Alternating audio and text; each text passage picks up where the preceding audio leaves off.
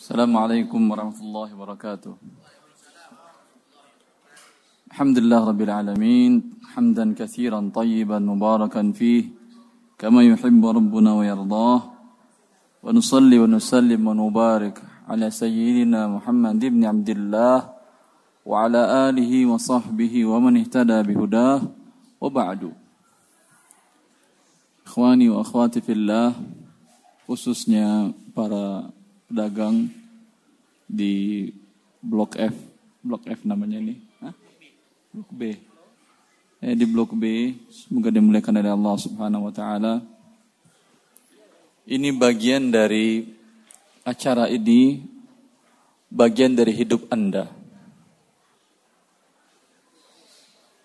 Kenapa saya katakan bagian dari hidup Anda? Tidak ada orang yang terlahir ke atas muka bumi ini menjadi seorang pedagang sukses sesuai syariat Allah Subhanahu wa. Tidak ada. Mereka berusaha mencari rezeki Allah Subhanahu wa taala. Selain berusaha mencari rezeki Allah Subhanahu wa taala, mereka juga mempelajari mana yang syariat Allah, mana yang halal, mana yang haram. Sehingga yang halal diambilnya, yang haram ditinggalkannya. Ini orang yang sukses dalam hidupnya. Jangankan kita orang biasa-biasa saja. Wahab bin Al-Warad mengatakan, kalaulah anda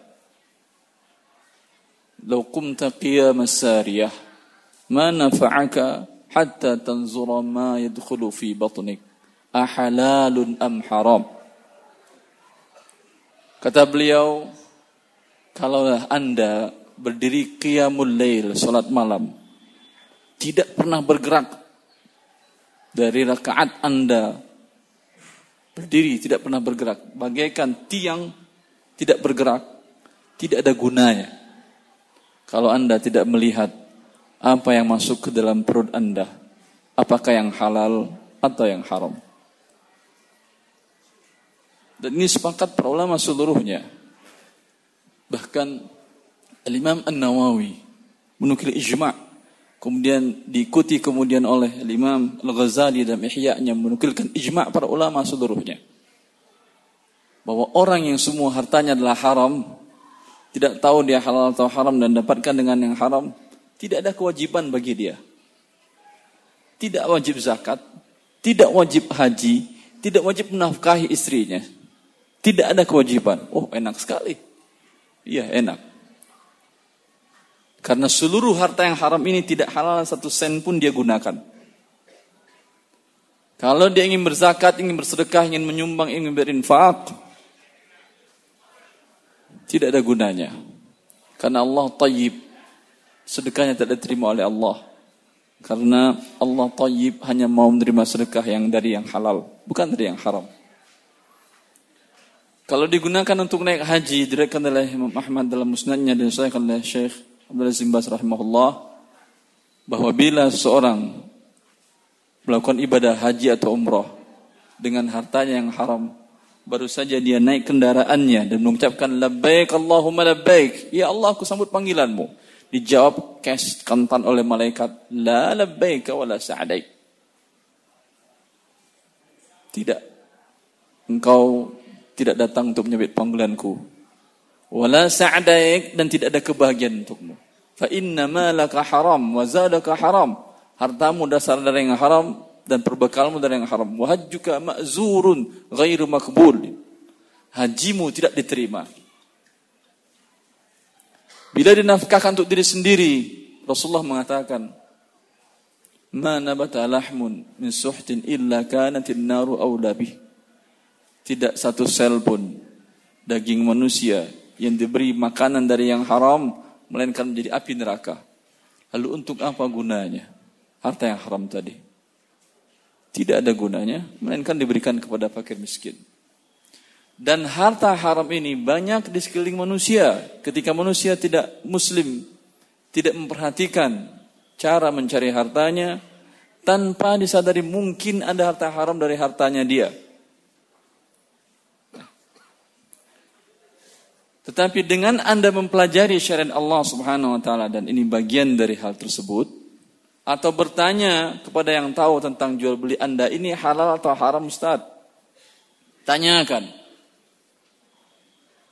Dengan demikian tahu Anda mana yang halal, mana yang haram. Ketika halal, ambil. Ketika haram, tinggalkan. Walaupun besar keuntungan materi di mata Anda. Salah seorang pedagang di masa Rasulullah bernama Hakim bin Hizam. Hakim bin Hizam sebelumnya dia non-muslim. Kemudian masuk Islam dan dia dikenal sebagai salah seorang yang dermawan, seorang terhormat. Dia seorang pedagang dan bertanya langsung kepada Rasulullah SAW tentang bisnis perdagangannya. Ya Rasulullah, ini abi wa ashtari. Wahai Rasulullah, aku berjual beli. Membeli lalu menjual. Pertanyaanku ya Rasulullah, Tolong jelaskan fama yahillu li wa ma yahrumu alayya. Tolong ya Rasulullah, apa yang halal dalam jual beliku, apa yang haram dalam jual beliku?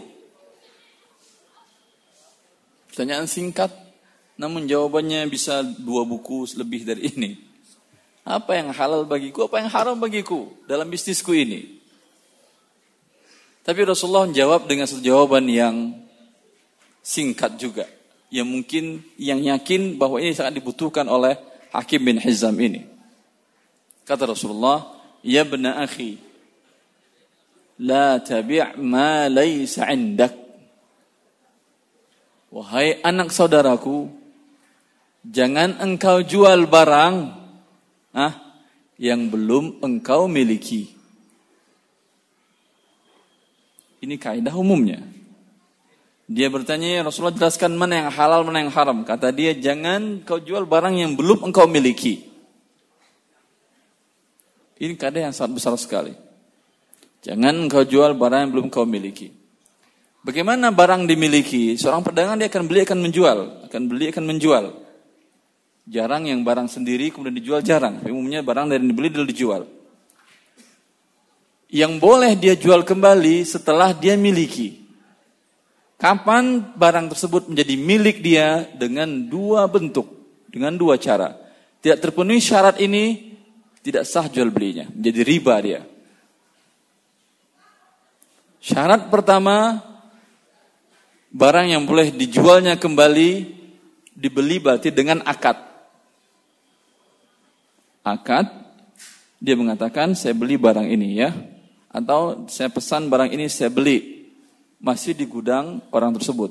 Dengan akad, iya udah, deal, deal. Harga sekian, harga sekian, deal. Ini akad. Ini sudah boleh dijual? Belum. Jelas? Masih di gudang penjual? Sudah boleh dijual? Belum. Bila langsung Anda jual, ada telepon langsung telepon, Pak gimana? Ada barang sekian? Masih di gudang di gudang si penjual. Lalu Anda deal jual kepada pembeli dari Anda, tidak halal. Eh. Kenapa? Satu syarat lagi belum terpenuhi. Syarat apa yang kedua? Terima dahulu. Dua syarat. Pertama dengan akad, kedua dengan diterima barangnya. Dengan qabab. Karena la tabi' ma laysa indak, jangan kau jual beli barang menjadi milikmu, belum menjadi milikmu bila belum diterima masih di gudang dia, ada yang nelfon, anda jual, tidak sah jual belinya. Ini yang dikatakan oleh Ibn Abbas ketika ditanya, kenapa Ibn Abbas, apa hikmahnya dilarang menjual barang yang belum diterima? Kan masih di gudang si penjual. Kata beliau, Zaka darahim biddarahim wa ta'amu murja. Kalau seperti akadnya seperti tadi, barang masih di gudang penjual dan Anda yang beli atau Anda jual langsung kepada yang lain dari dari akad yang kedua Anda langsung dijual, ini yang terjadi apa? Tukar uang dengan uang berlebih. Riba ini. Bagaimana bentuknya?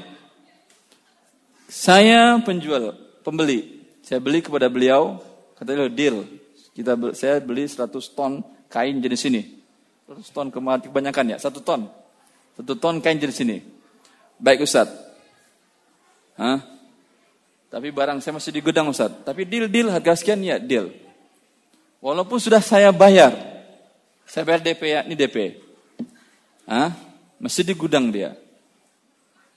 Saya bayar sekarang, cash saya bayar ke dia umpamanya. Satu ton, satu miliar. Ini satu miliar, cash. Tapi barang masih di tangan, masih di gudang dia. Saya jual kembali, saya jual berapa? 900 juta? Enggak mungkin kan? 1,2, 1,3, semua satu. Saya jual 1,2. Berarti saya terima uang dari dia berapa? 1,2. Saya serahkan uang kepada dia berapa? Satu. Yang terjadi apa sekarang? Tukar uang dengan uang. Barang masih di mana? Masih di tangan dia, di gudang dia. Maka sesungguhnya yang terjadi tukar satu miliar dengan 1,2 miliar, ini hukumnya riba. Ini dijelaskan oleh Ibn Abbas. Dan berapa banyak per hari ini kaum muslimin lalai dalam hal ini. Terlalu menggampangkan, terlalu meremehkan. Terima dulu, setelah diterima, baru ditelepon dia. Jadi untuk akad tadi, cara yang syar'inya, cara meneruskannya, saya datang kepada dia. Mana barang saya? Ini uang 1M, mana barang saya? Mana saat ke gudang? Tunjukin dia atau saya suruh orang saya tunjuk barang ini ini ini ini atau dia berikan bukti ini barang Ustadz sudah kami sisihkan di sudut yang di sini. Berarti sudah saya terima. Ini bukti tanda terimanya udah. Dengan diterima tadi, saya boleh nelfon ke customer saya, ke yang ingin beli saya. Gimana? Jadi 1,2 ini barang sudah ada. Jadi Pak, ini boleh. Ini betul berarti jual barang dengan barang. Jual barang dengan uang, bukan uang dengan uang. Karena ada barang disertakan. Itu barang itu tadi sudah saya terima. Apa bedanya nih Ustaz? Anda mungkin menanyakan. Apa untung ruginya ini? Bukankah syariat itu gampang? Kenapa harus terima dulu menghabiskan uang segala macam? Hah? Hikmahnya ya akhi. Hikmahnya adalah ad-dhaman. Yaitu Jaminan risiko di tangan siapa sekarang? Kalau belum saya terima, dalam kasus yang biasanya dijual, sebelum diterima barangnya sudah dibeli walaupun dibeli dengan akad dan sudah cash, belum diterima, kemudian la qadar Allah, ah, terbakar gudangnya, ah, terbakar gudangnya, maka jaminan di tangan sampai tangan dia kan? Saya tidak ada risiko sama sekali. Saya tidak ada risiko dan saya mendapatkan keuntungan dan risiko yang tidak halal. Tapi kalau sudah dipisah dia kasus kedua, Ustaz, barang antum sudah saya, Ustaz sudah saya pisahkan di sini. Ah, silakan diambil. Kalau tidak Ustaz ambil, berarti risikonya tangan Ustaz. Harusnya sekarang per jam gudang bayar lu Ustaz. Tapi saya gratiskan gudang selama dua hari lah. Saya, saya ambil dua hari lagi, udah saya gratiskan gudang selama dua hari. Terbakar, terbakar. Masih di tangan dia risikonya? Tidak, karena sudah serah terima. Jelas hikmahnya ini. Maka saya ngambil keuntungan tadi, selain riba tukar uang dengan uang berlebih, juga saya tidak ada risiko sebagai pedagang. Tidak boleh ya akhi. Anda mendapat keuntungan dengan tanpa risiko dalam Islam tidak ada. Kecuali yang haram. Yang tidak ada risiko kecuali yang haram. Ada salah, salah, salah satu Pemda di, di daerah Pulau Jawa ini yang minta uh, minta saya untuk mengelola dana pensiunan mereka. Angkanya lumayan besar. Ada sekitar berapa M gitu. Minta dikelola secara syar'i. Saya katakan, kalau ingin dikelola secara syar'i, yaitu kami kelola melalui perusahaan-perusahaan. Saya mungkin serahkan ke beberapa perusahaan-perusahaan untuk dikelola secara syar'i. Tetapi untung-untung rugi-rugi. Oh nggak bisa Ustadz. Ini uang pensiunan. Gimana untung-untung rugi-rugi? Nah, kalau anda tidak mau rugi serahkan uangnya kepada saya. Bentuk pinjaman kor. Lalu saya berikan bisnis dengan beberapa perusahaan tapi anda tidak boleh dapat untung Oh nggak bisa juga Ustadz. Karena kami ingin untung juga. Kurang-kurang untuk inflasi. Eh, kalau Anda ingin aman uang Anda, ah, kemudian ingin bertambah, dalam Islam tidak ada. Ini hanya dalam serahkan ke riba, silahkan. Anda berdosa dunia akhirat. Sudah, tahu. Tapi secara syar'i tidak mungkin. Siap resiko, siap untung tadi. Kembali kita kepada hadis Hakim bin Hizam tadi. Hadis Hakim bin Hizam tadi. Ini pokok. Hah? Padahal ada solusinya tadi. Tapi kebanyakan kita tidak melakukannya. Ya, orang yang jual beli saham di bursa, Anda bisa lihat. Setelah dibelinya pagi ini, itu serah terimanya kan setelnya selama tiga hari. Serah terimanya tiga hari baru dua hari kerja menjadi milik si pembeli. Secara syar'i baru boleh dibeli kalau sahamnya syariat, syariat maksudnya. Kalau sahamnya perusahaannya yang bukan haram, baru boleh dibeli, baru boleh dijual dia setelah dua hari kerja. Tambah hari pembelian tiga hari. Tapi apa yang terjadi di sana? Siang naik harganya langsung dijual. Ini belum diterima. Ini sepakat, keluar kesepakatan dari lembaga fikih Islam internasional. Bursa jual beli dengan cara seperti ini di bursa adalah hukumnya haram, judi namanya. Sehingga ini yang menghancurkan ekonomi dunia dan Amerika sendiri menamakan, para ekonom mereka menamakan bursa mereka dengan kasino. Tempat perjudian. Judi ini jadinya. Riba dan perjudian. Karena tidak ada serah terima barang. Alhamdulillah di sini Anda ada serah terima barang. Insya Allah selamat dari perjudian yang itu. Hah? Tapi ingat ini tadi. Bisa menjadi riba dengan cara seperti demikian. Maka saudara-saudaraku para pedagang. Ketika Ali bin Abi Thalib masuk ke dalam pasar. Beliau mengatakan kepada orang-orang di pasar. Ayuh tujar. Ayuh tujar. Innakum fujar. Ini merah telinga dengarnya. Kalau saya terjemahkan ke bahasa Indonesia. Ketika jadi khalifah dia masuk ke pasar Madinah, ke pasar di bukan di Madinah beliau. Di Irak atau di mana beliau? Lupa saya tempat.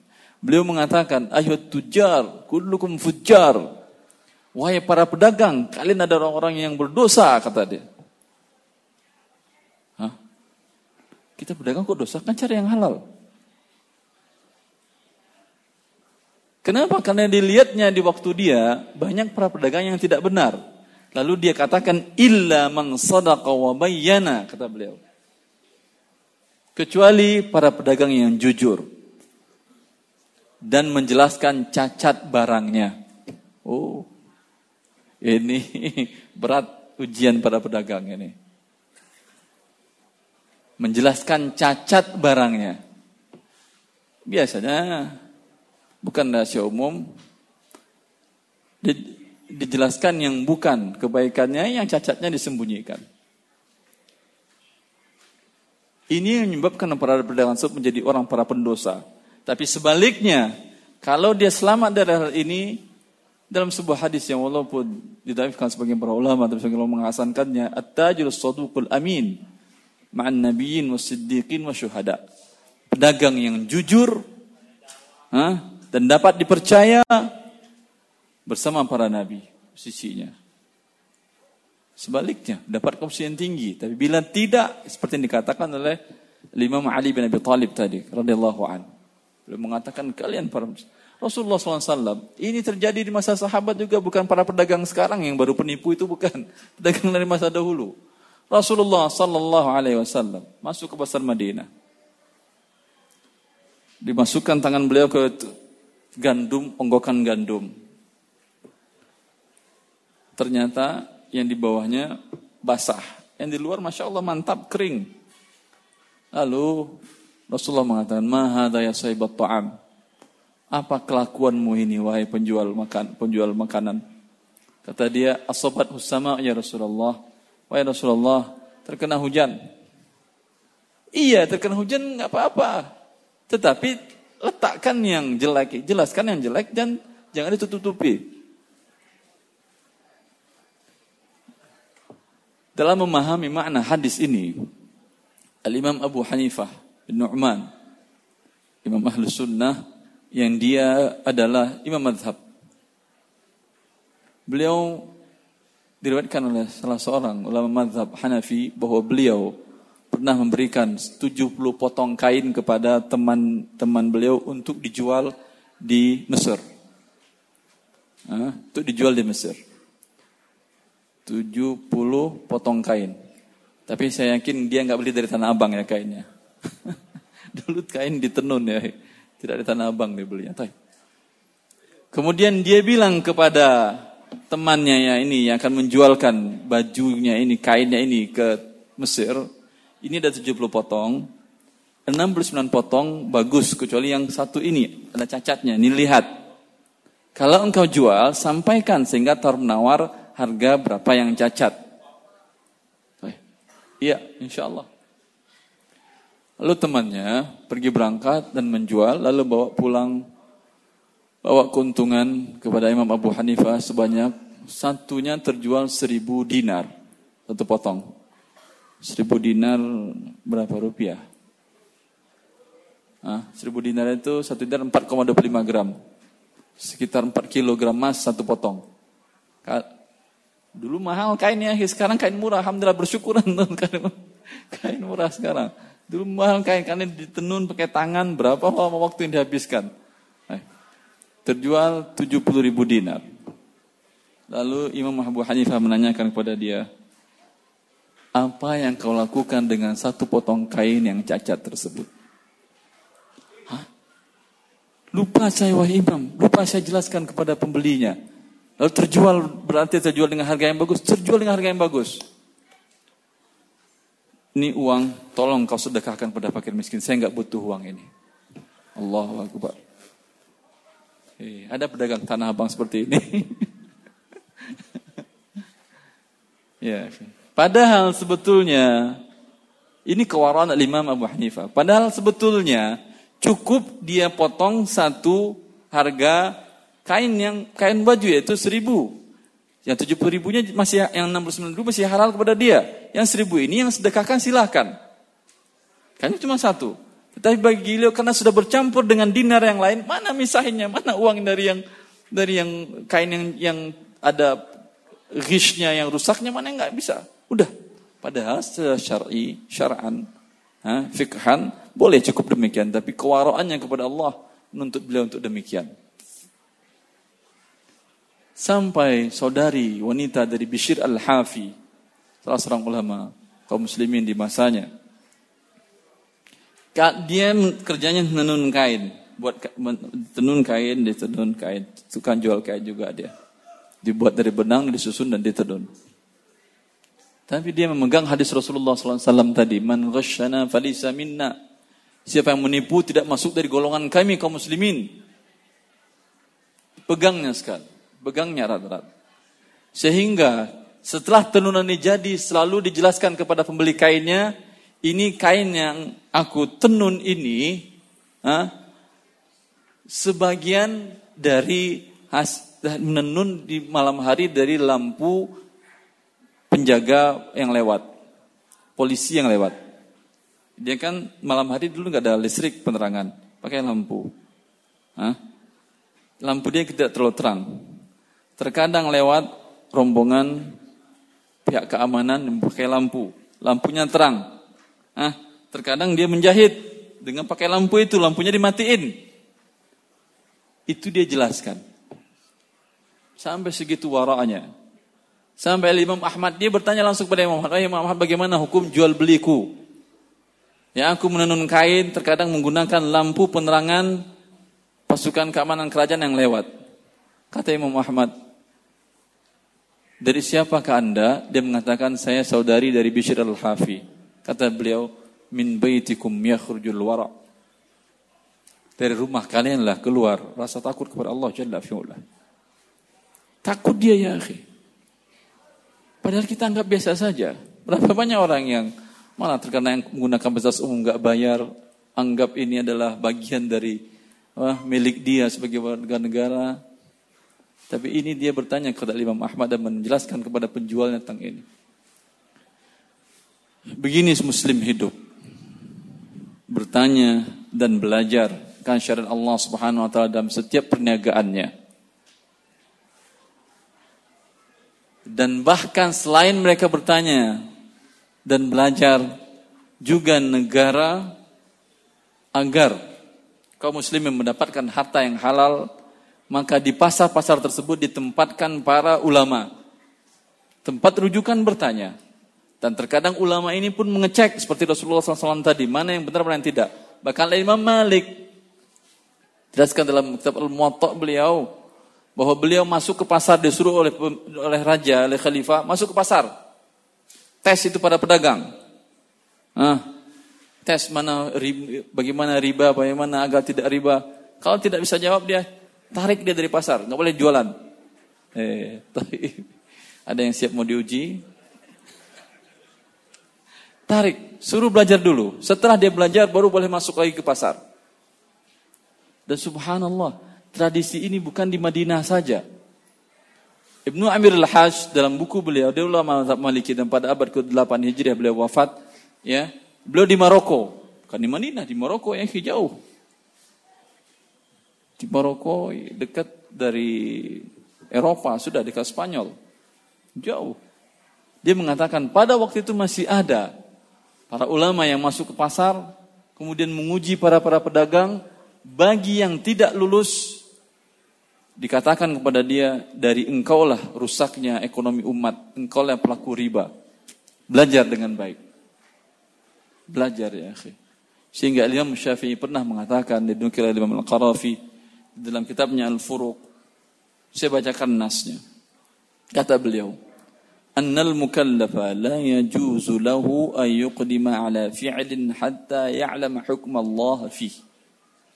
Seorang mukallaf seorang muslim yang sudah memiliki hukum wajib menanggung sendiri tanggung jawab perbuatannya kepada Allah. Itu tidak boleh melakukan setiap perbuatan pun sampai dia mengetahui hukum Allah dalam perbuatannya ini.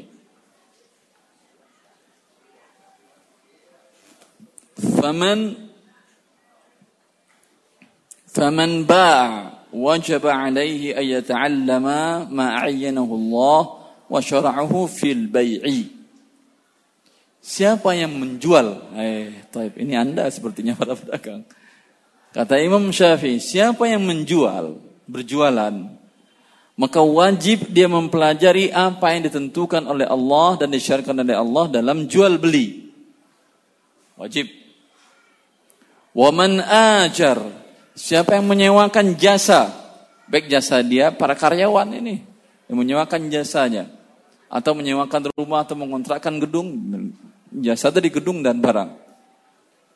Kata Imam Syafi'i wajib alaihi ayya'lama hukm Allah fil ijarah wajib bagi dia mengetahui syariat Allah dalam hukum sewa menyewa ini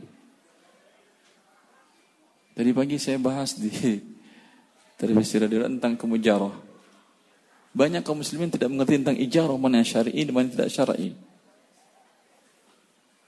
dia sewa umpamanya sebuah gedung, ya sama dengan tadi, terima dan tidak terima tadi.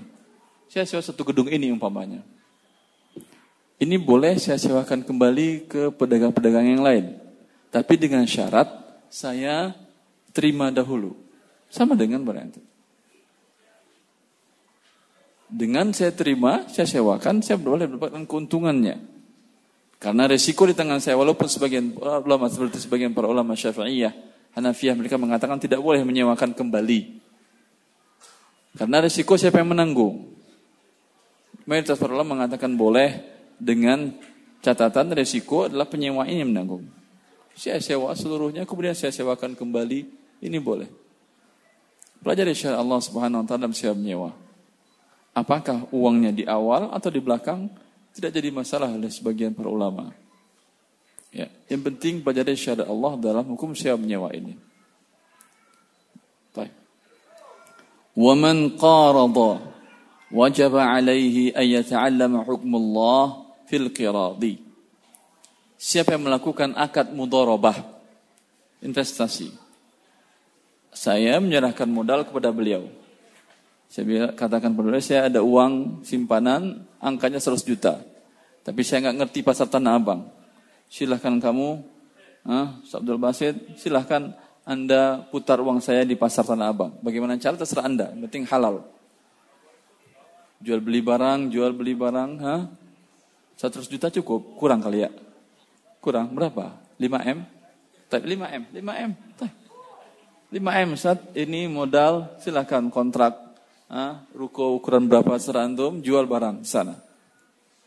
Ini namanya hukumnya adalah kirat atau mudorobah. Ini paling sering ribut. Saya paling sering ditanyakan oleh para pedagang setelah naik tinggi atau hancur. Biasanya pada saat tahap awal nih silahkan uang miliar putar. Nanti untung kita bagi, kita bagi-bagilah. Insya Allah nggak ada masalah kita sama kita kok. Sama-sama Ustaz masa ribut masalah keuntungan. Tidak ada berapa pastian berapa keuntungan.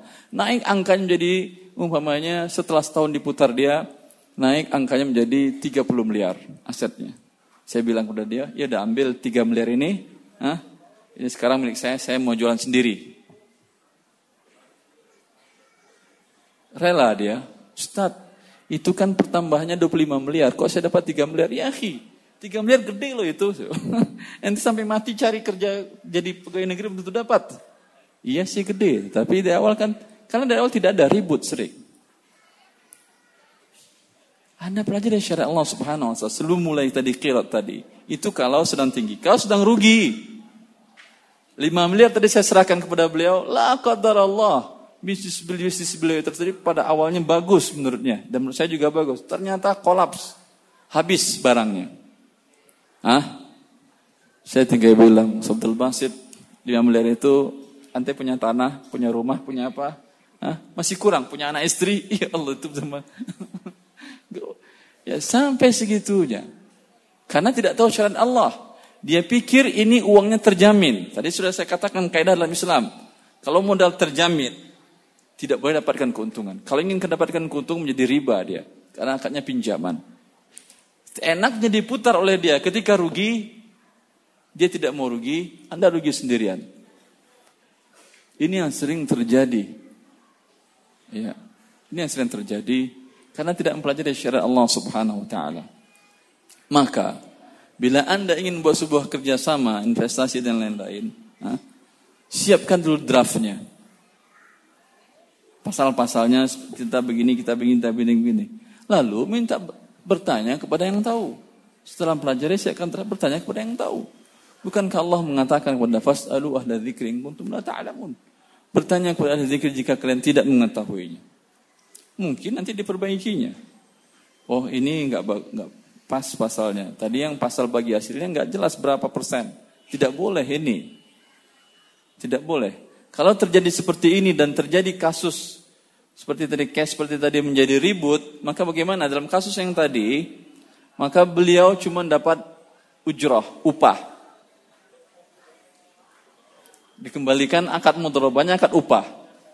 Berapa biasanya upah mengelola mengelola sebuah toko, bukan sekedar menjual tapi mengelola sebuah toko selama satu tahun berapa? Anda yang pemain satu miliar, satu miliar cuma buat dia. Karena tadi rusak akadnya. Satu miliar ini kalau dibandingkan dengan dengan tadi angka 25 juta, 25 miliar gede besar sekali, kecil sekali. Tetapi kalau umpamanya keuntungan dari di 5 miliar tadi cuman untung 1 miliar, dia ambil semuanya 1 miliar itu. Artinya dari 5 miliar setelah satu tahun menjadi 6 miliar. Hah? Kan tadi saya ribut, udah kita pisah. Tadi tidak jelas berapa bagi hasilnya kan. Berarti maka dia hukumnya adalah hukum sebagai seorang karyawan saya untuk mengelolanya. Kelola tadi saya katakan sampai satu miliar. Berarti untuk diambil satu miliar saya tidak dapat apa-apa, upah. Berbeda dengan motorobah yang betul, yang dari awal tahu ada beberapa berapa bagi hasilnya. Ketika ada bagi hasil, maka kerugian 100% ditanggung oleh si pemilik modal yang pemilik saya. Dengan syarat tidak ada kelalaian dari si pengelola. Andai dari tadi 5 miliar, habis, ya udah habis. Alhamdulillah nggak ada masalah. Selesai, selesai. Dia wajib ganti tidak. Tapi kalau dia merasa kasihan Ustaz, lalu tanahnya dikasih kantung, dia sedekah kepada saya, alhamdulillah saya terima sedekahnya.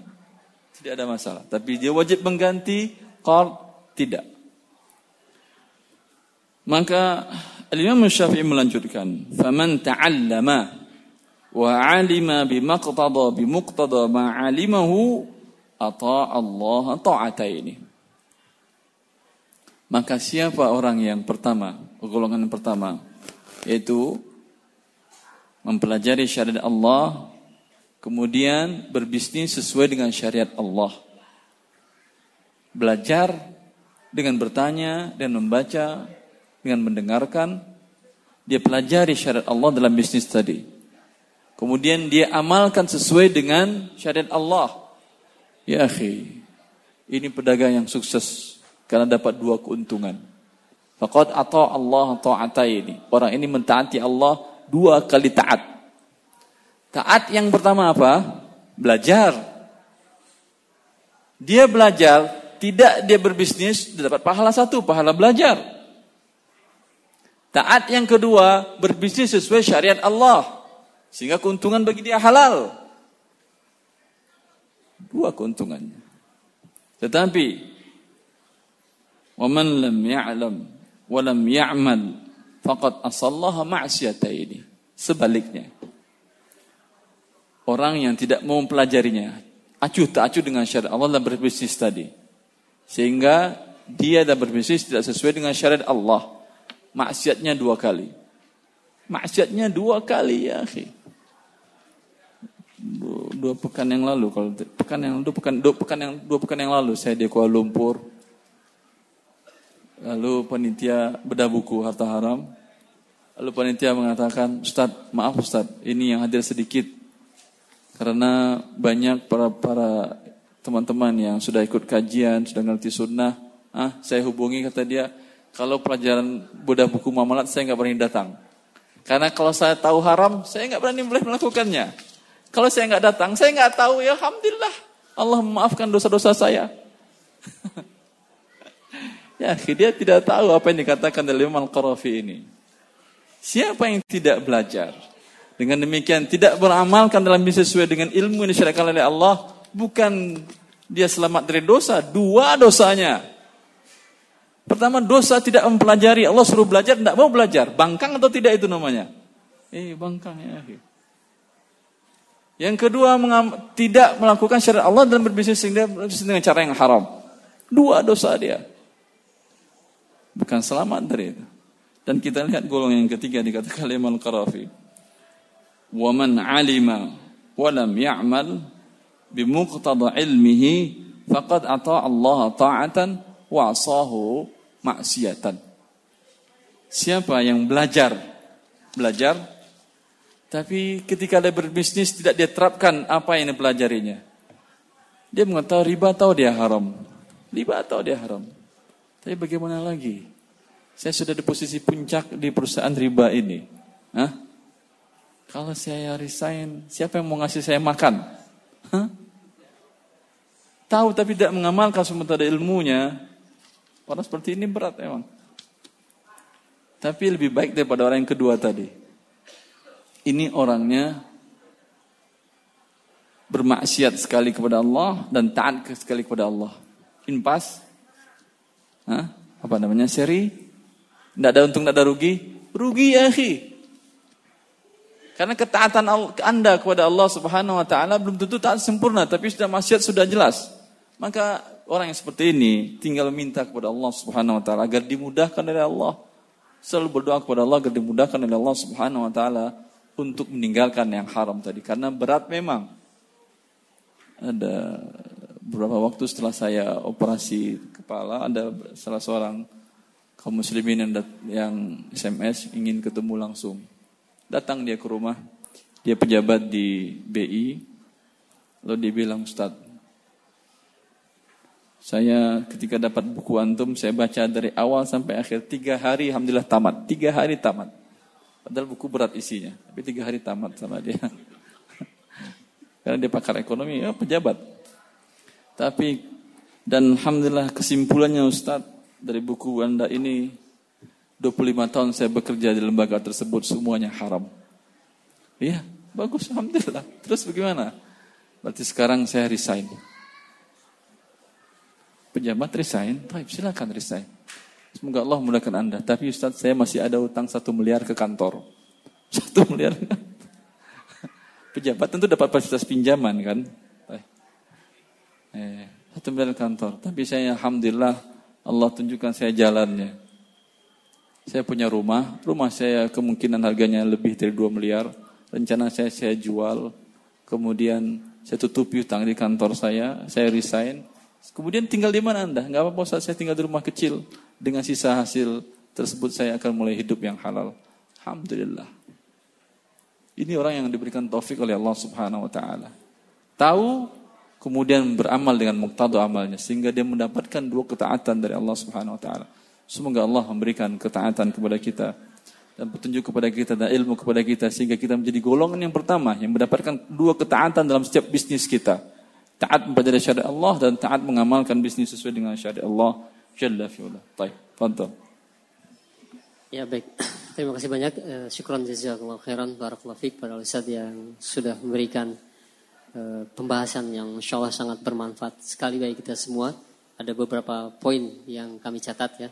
Eh, secara pribadi mungkin nanti ada tambahan juga bahwa sering kita lalai sebagai para pedagang yaitu yang pertama menjual barang yang belum dimiliki ya, menyembunyikan cacat tidak mengetahui ilmunya ketika masuk ke dalam pasar untuk berjual beli dan mudorobah yang akadnya hancur ya yang mudah-mudahan uh, setelah kita menyimak ini kita ada keinginan untuk belajar ya keinginan untuk belajar itu saja. Yang penting ada motivasi untuk belajar uh, ilmu uh, berdagang ini. Baik untuk selanjutnya kita akan buka sesi interaktif, sesi soal jawab. Di sini sudah ada banyak kertas yang masuk dan satu kertas ada yang lebih dari tiga pertanyaan. Eh, Masya Allah. Mungkin kita akan uh, angkat satu kertas satu pertanyaan saja ya. Silakan. Kasih ini santai sekali, mungkin waktunya tidak cukup. Ini hak Di, Anda Ya, mumpung saya tinggal di kota sini, ya berapa waktu yang lalu, saya subhanallah, anak muda, anak muda, paling umurnya sekitar di bawah 30-an lebih sedikit. Nelfon, Ustaz, saya boleh ke rumah, silahkan. Datang ke rumah pagi-pagi, sekitar jam 7, ya, dia menanyakan tentang status kepegawaian dia halal atau haram. Karena dulu dia masuk pakai sogok. Saya katakan kepada dia, sekarang sampaikan kepada perusahaan Anda bahwa saya dulu masuk pakai sogok. Kalau menurut Anda saya masih layak, boleh bekerja, silahkan gunakan, kalau tidak, tidak. Cuma itu jawaban Ustaz. Iya, Alhamdulillah. Kata dia, sekarang saya mau pulang Ustaz. Mau pulang ke mana Anda? Ke Makassar Ustaz. Hah? Dari Makassar Anda ini dari Makassar saya Ustaz. Kenapa tidak pakai telepon saja? Saya bilang. Gak puas saya Ustaz. Saya nggak puas, mumpung saya masih di awal-awal kerja di bulan-bulan pertama kerja. Kalau halal langsung saya langsungkan, kalau tidak saya resign. Eh, Alhamdulillah dari Makassar dia pulang pergi tiket sudah berapa itu? Antum Alhamdulillah masih satu kota. Maka jangan pernah ah, merasa berat, sungkan untuk bertanya. Telepon ada, tapi kalau tidak diangkat datang ke rumah aja. Taib. Di kota wisata ada, saya sholat di Masjid Darussalam, silahkan sholat di sana. Insya Allah ketemu. Ya, uh, kita akan angkat dulu pertanyaan. Yang pertama, Assalamualaikum warahmatullahi wabarakatuh. Assalamualaikum Ya Ustadz, apakah boleh kita, eh, apabila kita mempunyai uang dan kita meminjamkan uang kita ke teman untuk berdagang, tetapi ya. kita minta keuntungan. Misalkan dia beli barang seharga 20 ribu dan kita minta dari keuntungannya itu, ini berarti bahan ya, per meter 5 ribu. Ya. Boleh tidak? Eh dia punya uang, lalu dipinjamkan. Dipinjamkan ke teman. Dipinjamkan ke teman, lalu minta per meter lima ribu, buat dia, iya. si pemberi pinjaman tadi. Iya. Banyak seperti ini angkat di sini. Subhanallah. Ini riba murni. Riba murni. Tidak pakai takwil-takwil lagi, nggak pakai tafsir-tafsiran riba murni. Kenapa? Karena akadnya pinjaman. Karena akadnya pinjaman. Akadnya pinjaman, maka dia tidak akan menanggung rugi, uangnya tetap kembali, rugi pun bisnis tetap. Terkadang rumah si rugi masih minta dia 5 ribu per meter itu. Dihitungnya kamu udah berapa meter? Oh rugi habis susah saya, saya ditipu. Enggak tahu saya, yang penting per meter saya hitung. Ya ini subhanallah, riba murni. Solusi syar'inya, kalau anda ingin, ha, tolong tunjukkan kainnya mana. Mana tokonya, mana pabriknya, biar saya beli. Karena ingin untung juga kan ya. Biar saya beli. Eh, itu di, sana. Yaudah, saya beli sekian. Berapa meter Anda suka? Anda mau sekian ratus meter, sekian bal, sekarang type. Ya, sekarang ini barang saya terima. Sudah, mana barang tadi tolong naikkan ke, ke truk. Kontainer, sudah naik pak? Ya udah. Ini sekarang sudah naik kontainer, saya jual kepada Anda, nyicil boleh. Tadi kan dia pinjam berarti nggak punya uang kan si pembeli tadi. Udah nyicil, nyicil. Nanti jualkan, kamu jualkan ini barang, kamu terima, jualkan barang, kan bisa nanti cicil dari si penjualan. Tadi saya beli umpamanya satu miliar. Saya jual kepada Anda, berapa lama cicilannya? 6 bulan. Ya udah 6 bulan, satu jual 1,2. Ya, ini boleh. Saya untung, dia untung, halal dan halal. Dia mungkin bisa jual 1,5, 1,7 selama 6 bulan itu. Jelas ini. Tapi dengan tadi, nih pinjaman satu miliar saya nggak tahu menau, tinggal tidur dia. Hah? Sama ini dengan bank konvensional. Sama dengan bank riba. Tinggal ambil uang, tinggal pertambahan. Dan ini bunganya saya kira lebih besar daripada bank konvensional. 5 ribu per meter. per meter harga kain per meternya berapa sih? Per meter harga kainnya berapa? Beda-beda sih. Beda-beda. Kalau 10 meter per, per 10 ribu per meter harga kainnya 50 persen keuntungan ribanya ini. Bank konven cuma mengambil setahun 20, berapa persen? 13, 15 sampai 20 persen paling setahun. Dia sekali penjualan 50 persen. Lebih riba daripada bank riba. Allah musta'an. Fadal. Ya, nah, baik. Jazakallah khair atas jawabannya. Ya, mudah-mudahan jelas yang bertanya ya. Maaf, eh, kalau ada yang tersinggung, cuma tinggal bertobat. Anda jangan tersinggung. bertobat, berarti salah berarti. Tinggal bertobat kepada Allah Subhanahu Wa Taala. Iya, baik. Yang kedua ini ada pertanyaan, uh, ya Ustadz, apa yang dimaksud dengan menjual dua harga?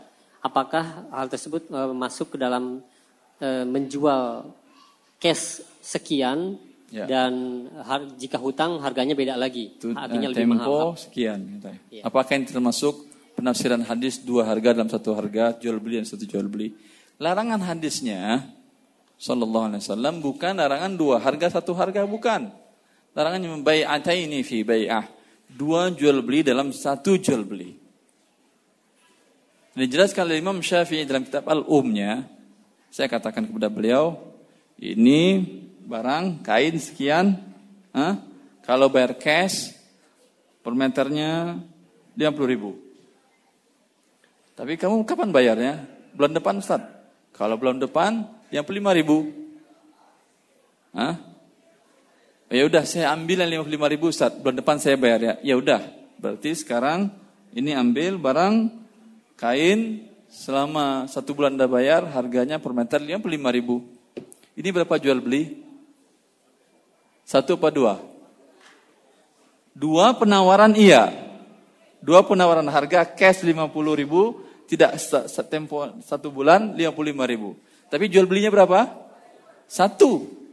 Boleh. Karena yang dilarang bukan dua penawaran, dua jual beli. Jelas. Bagaimana bentuk dua jual beli? Gimana lu maksud hadis dua jual beli Ustaz? Ya udah saya katakan kepada dia, ini per meter kainnya 50 ribu. Cash kalau cash. Oh saya nggak mau nggak cash. Oh kalau nggak cash 55 ribu. Tapi kata dia, eh saya mau cash. Oh yaudah cash. Atau kata dia, udah saat ini aja. Saya ambil aja barang, entar saya pikir lagi. Ini sekarang berapa jual belinya? Dua dan bahkan lebih. Karena tadi satu bulan, ternyata dua bulan dia belum bayar. Hah? Dua bulan belum bayar. Tadi kan sudah saya bilang, dari awal sudah saya bilang, kalau cash 50 ribu per meter, sebulan 55 ribu ada pertambahan 5 ribu. Sekarang Anda dua bulan, tinggal tambah 55 ribu lagi ya. Berapa jual belinya? Tiga jual belinya. Bisa lagi ternyata empat bulan baru dibayarnya. Eh sebentar, tambah lagi. Lima ribu empat bulan, tambah tambah dua puluh ribu loh. Tujuh puluh ribu berarti. Bisa jadi setahun dia bayar, tinggal tambah. Berapa jual belinya ini? Banyak jual beli. Ini yang riba dan mengandung unsur perjudian koror. Kan tidak jelas akadnya yang mana yang diinginkan dia. Tapi kalau dari awal dia bilang, saya tidak pernah cash beli dari Anda. Sebulan saja. Hah? Dan itu, iya kalau sebulan ya Anda tahu harganya 55 per meter. Kalau cash 50 ribu, yang lain 5 cash 50 ribu. Ketika dia terlambat membayar, tidak ada pertambahan. Ustaz saya rugi, Ustaz. Kata penjual saya rugi. Eh, emang Anda rugi? Tetapi Allah mengatakan haram apa boleh buat? Caranya dari awal maka Anda harus meng, harus memberikan safe, safety kepada harta Anda. Minta kepada dia barang jaminan. Oh enggak ada di Tanah Abang pakai jaminan Ustaz. Ya lihat aja dia jujur atau tidak dia. Kalau dia jujur pasti dia akan bayar pada waktu yang disepakati tadi. Hah? Karena takut dia kepada Allah, matalul ghani zulmun yuhillu 'irdahu. Bahwa orang yang mampu kemudian menunda pembayarannya, membayar hutangnya, ini kezaliman.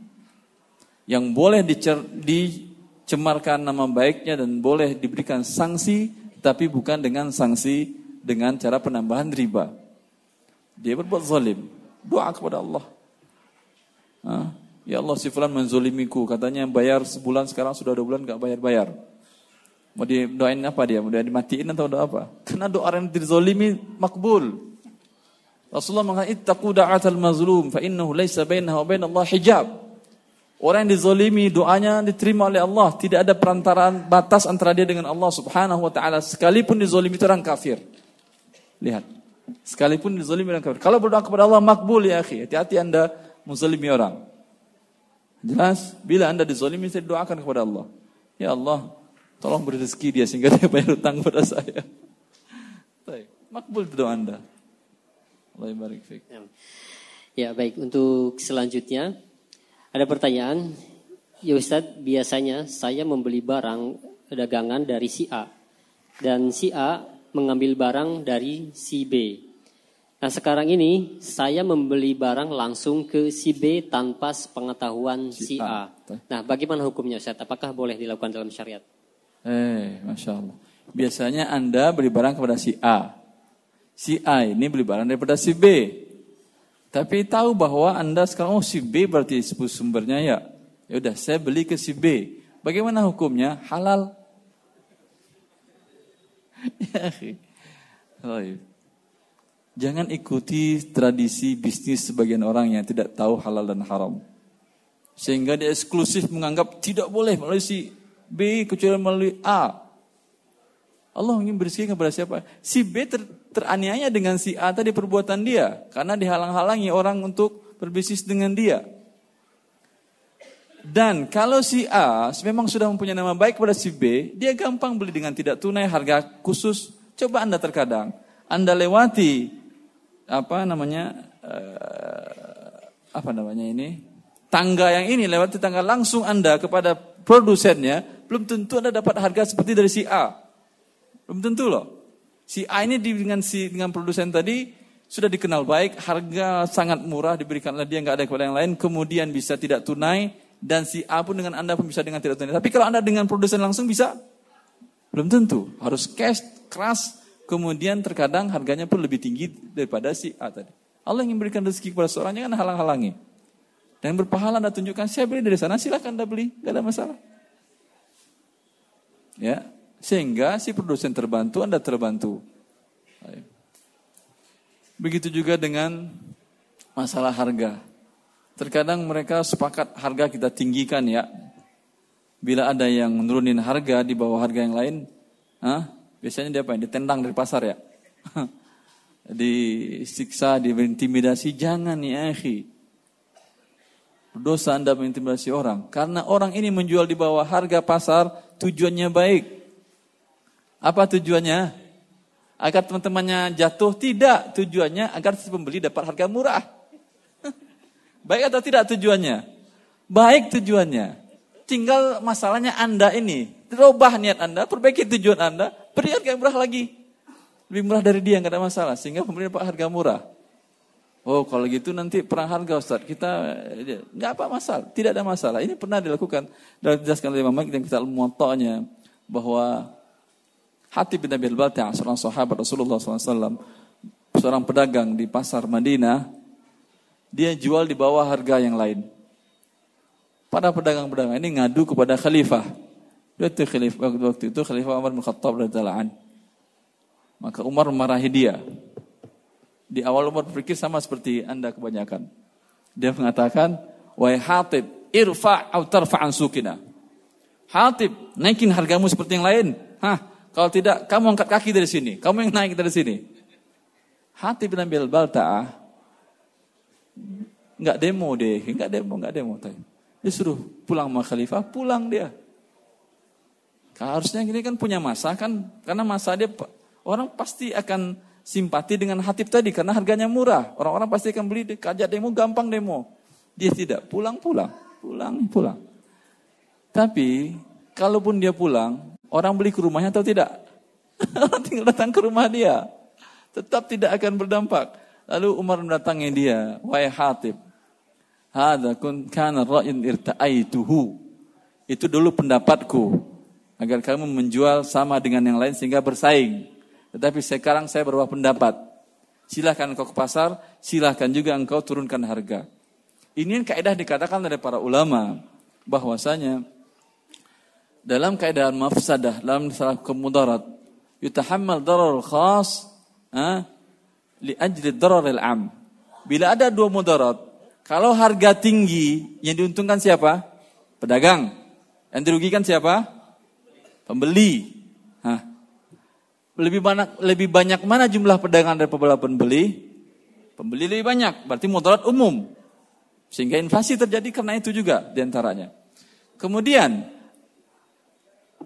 andai mudarat umum ini ditolak, maka akan mendapat mudarat para pedagang. Kalau ada yang menjual di bawah harga pasar, para pedagang mendapat mudarat. Tetapi yang dapat keuntungan siapa? Orang banyak para pembeli maka tidak masalah para pedagang tadi tetap mendapat mudarat. Sebetulnya bukan mudarat, masih untung dia, tapi masih lebih kecil daripada biasanya. Ya. Sehingga perputaran barang lebih cepat. Dan ini pernah dikatakan oleh Imam Ali, Imam Ali bin Abi Thalib radhiyallahu taala an, beliau masuk ke pasar, ke pasar kemudian mengatakan, "Ayo tujar." Kata beliau, "Wahai para pedagang," kata beliau, "la taruddu qalilar ribhi fatuhrumu kathiruha. Wahai para pedagang, jangan kalian tolak keuntungan yang tipis. Karena bila kalian tolak khawatir Allah tidak memberikan kepada kalian keuntungan yang besar. Bila menurut Anda sedikit sudah untung, lepas. Jangan tunggu, jangan tunggu, jangan tunggu. Kan bertambah biaya gudang, bertambah biaya ini, segala macam. Biaya karyawan bertambah lagi, lepas tidak ada masalah. Di sini ada keberkahan. Di sini ada keberkahan. Bukan saya melarang Anda mengambil untung yang tinggi, tidak. Boleh mengambil untung yang tinggi. Karena kaidah dalam mengambil untung dari modal, kaidah dalam syariat Islam mengambil untung dari modal, boleh 100% pun boleh dari modal. Modal umpamanya 10 ribu per meter, Anda jual 20 ribu per meter, boleh. Dengan syarat harga jual Anda 20 ribu tadi, itu harga pasar di tempat Anda berjualan. Kalau tidak harga pasar, tidak boleh lebih dari sepertiga dari harga pasar. Harga pasar 20 ribu per meter.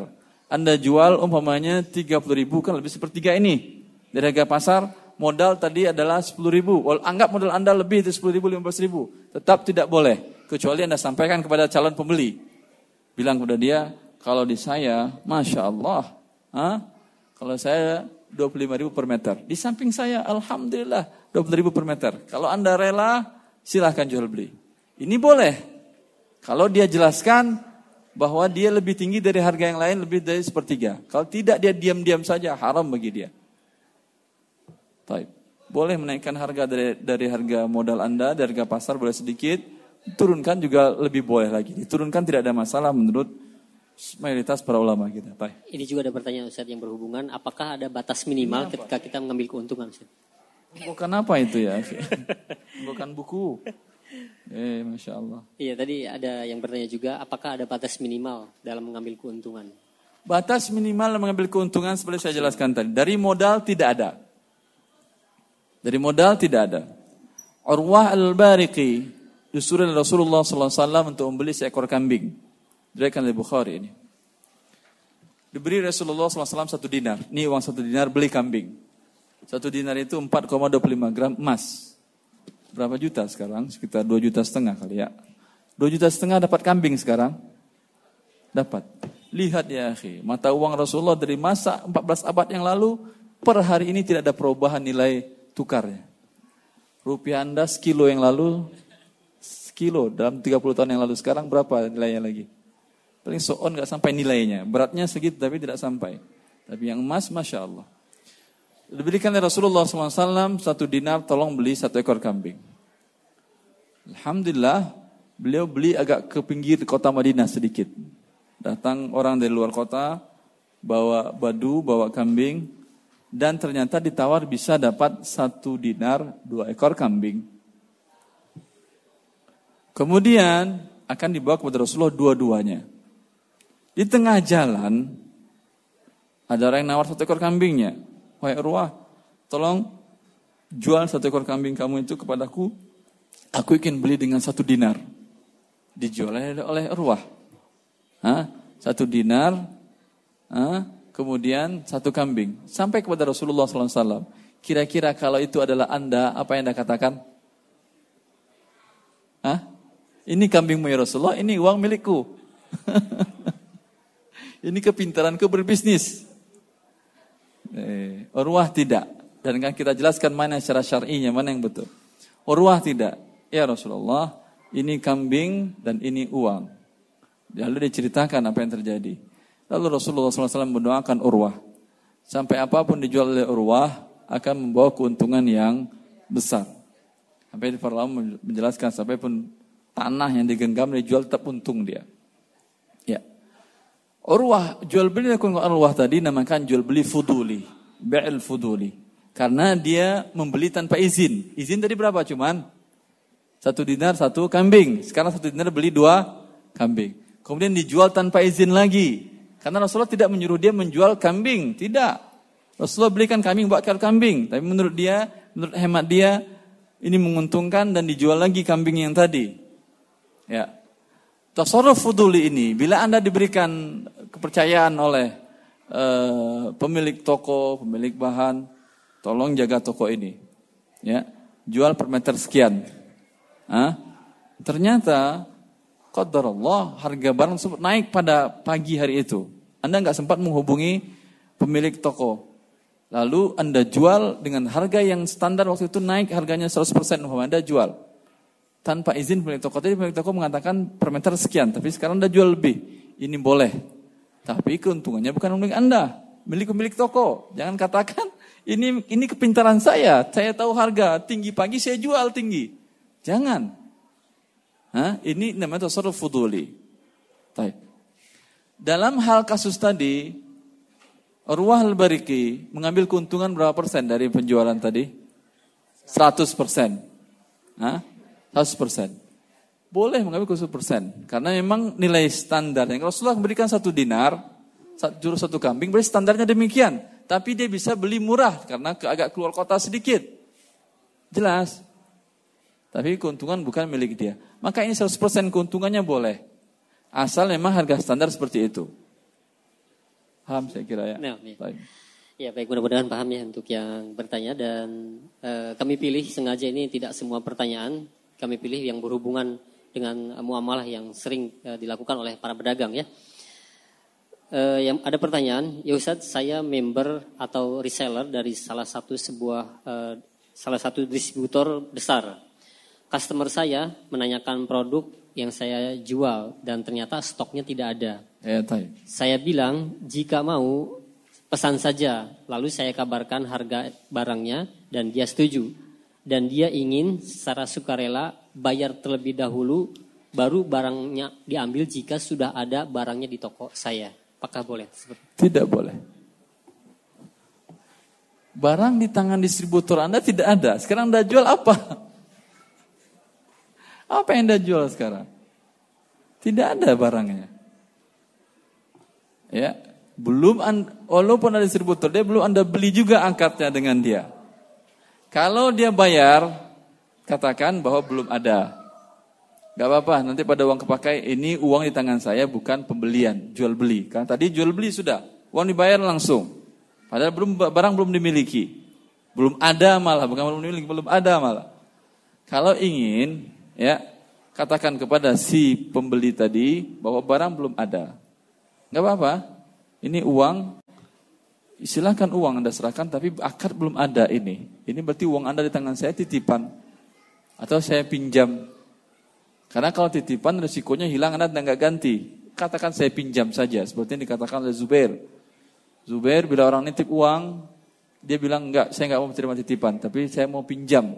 Karena pinjam resiko tangan saya, kalau hilang saya ganti. Ya, tinggal katakan saya pinjam uangnya dulu. Nanti setelah barang saya beli, saya hubungi Anda, bikin akad lagi. Bila harganya sama dengan uang yang sudah Anda saya terima dari Anda sebagai pinjaman, udah selesai. Bila kurang Anda tambahin, bila berlebih saya kembalikan. Tapi tidak ada akad di awal karena barang tidak ada sama sekali sama Anda. Jelas ini ya. Ini banyak seperti ini. Banyak. Allah musta'an. Ada. Ya, nah baik. Terima kasih banyak atas jawabannya. Dan selanjutnya dia ada pertanyaan Ustadz. Ya, Ustadz, apabila kita uh, sebentar pedagang. Panitia, ada kursi lagi nggak kasihan sebagian saudara-saudara kita? Habis? Eh, Habis ya? Ya tidak mengapa. Ini ada pertanyaan. Duduk di sini boleh. Kasihan, pada berdiri kasihan. Duduk sini silakan. Silakan di sini juga bisa, silakan. Fadal, silakan. Ya kita melihat ada suatu barang yang laku dijual di satu toko tertentu, kemudian ya. kita, eh, kita membelinya satu dan kita buat persis sama dengan apa yang dijual di laku uh, di toko yang dijual tersebut, ya. ya. Dan uh, kita membuat dan menjualnya di bawah harga yang mereka uh, yang toko tersebut jual. Apakah ya. hal tersebut boleh, Ustaz? Apakah ada satu produk yang dijual oleh toko A, laku Masya Allah. Ada mereknya sudah. Lalu bolehkah saya cimplak, saya ini saya buat, kemudian mereknya masih merek dia atau merek baru? Merek baru. Merek baru, boleh. Kalau merek dia, haram Anda menggunakannya.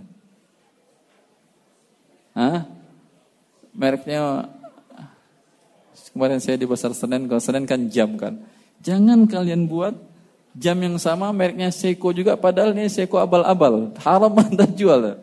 Kalau mau juga tinggal diganti mereknya. Karena orang Padang kan ya Ustadznya. Tinggal Densiko. Daripada Seiko. Seiko haram Anda buat. Tinggal Densiko nggak apa-apa orang Padang yang punya merek. Eh, kalau punya merek sendiri nggak apa-apa. Kemudian dia mencimplak silahkan cimplak gak ada masalah. Tapi orang tahu karena merek berbeda. Ini merek pionir yang pertama memulai, ini merek tiruan. Halal hukumnya kecuali dia mempatenkan ini ke lembaga haki. Ke lembaga tersebut dan mengatakan tidak boleh dicimpak segala macam itu. Itu terserah dia. Tetapi rezeki Allah maha luas. Biarkan orang mencimplak. Karena dengan orang mencimplak berarti merek Anda merek bagus. Kalau nggak ada orang mencimpan tiruan, coba orang bisa beli barang. Kalau tidak ada tiruan orang ragu, ini ini kualitasnya teruji atau tidak. Tapi kalau banyak tiruannya, orang cari yang aslinya dan harga makin tinggi. Jadi anda jangan terlalu terlalu sesuatu yang dibolehkan oleh Allah, jangan terlalu hajar tawasian. Sesuatu yang dibolehkan oleh Allah, jangan dihalang-halangi. Ya, tapi kalau ingin juga menghalanginya, bikin uh, uh, daftarkan brand Anda ke lembaga resmi. Sehingga bila ditiru hak Anda untuk me, e, menuntutnya. Tetapi yang niru tadi harus pintar dikit lah. Jangan mirip banget. Beda-beda dikit tampak luarnya yang jelas brandnya berbeda sudah. Jelas. Allah Nah, ya baik. E, dan selanjutnya ada pertanyaan. Yusad di dalam jual beli apakah diperbolehkan kita menetapkan atau e, menyatakan peraturan barang yang sudah beli dibeli tidak boleh ditukar. Barang sudah beli tidak boleh ditukar. Allah mustahil. Barang sudah beli tidak boleh ditukar. Ini kalau yang mengerti syariat Allah nggak perlu ini. Karena jual beli memang tidak boleh ditukar lagi. Syaratnya dengan akad diterima barang, keluar barang dari majelis, umpamanya majelisnya toko itu Abaya Syarifah, umpamanya. Beli dia di situ. Hah? Kemudian setelah beli dia akad, setelah akad sudah bayar, pergi dia duduk di majelis sini. Berpisah sudah majelisnya. Sekarang dia bilang, saya nggak jadi. Hak si penjual mengatakan tidak bisa. Kalau dia ingin batalkan jual beli yang tadi si penjual mengatakan udah nggak ada masalah bagi saya padahal secara syar'i nggak bisa karena emang akad mengikat Allah mengatakan ya ayyuhalladzina amanu aufu bil uqud wa beriman penuhi akad kalian kapan mengikatnya dengan setelah terima barang kemudian berpisah majelis tapi kalau masih berdiri di sana dia dilihat sudah terima sih tanda fakta setelah terima sudah terima masih tapi masih di situ dilihat barang barang oh saya nggak jadilah haknya dia juga tidak boleh si penjual marah-marah mengatakan gimana kamu gimana. Tidak boleh. Boleh dia untuk membatalkan jual belinya selagi masih di majlis. Berpisah majlis tidak bisa lagi. Kecuali ada cacat barang. Khiar aib namanya. Ada cacat barang sampai di kajian, ternyata wah ternyata bajunya sempit. Atau ternyata bajunya ada yang sobek. Ada yang robek, boleh dikembalikan lagi, ini namanya khiar aib. Atau dari awal bilang, saya beli tetapi beri saya hak khiar berpikir selama sehari. Besok kalau cocok saya pakai, kalau nggak cocok besok saya kembalikan nggak apa-apa ya. Oh nggak apa-apa silahkan, tiga hari masih boleh juga kata dia. Boleh ini.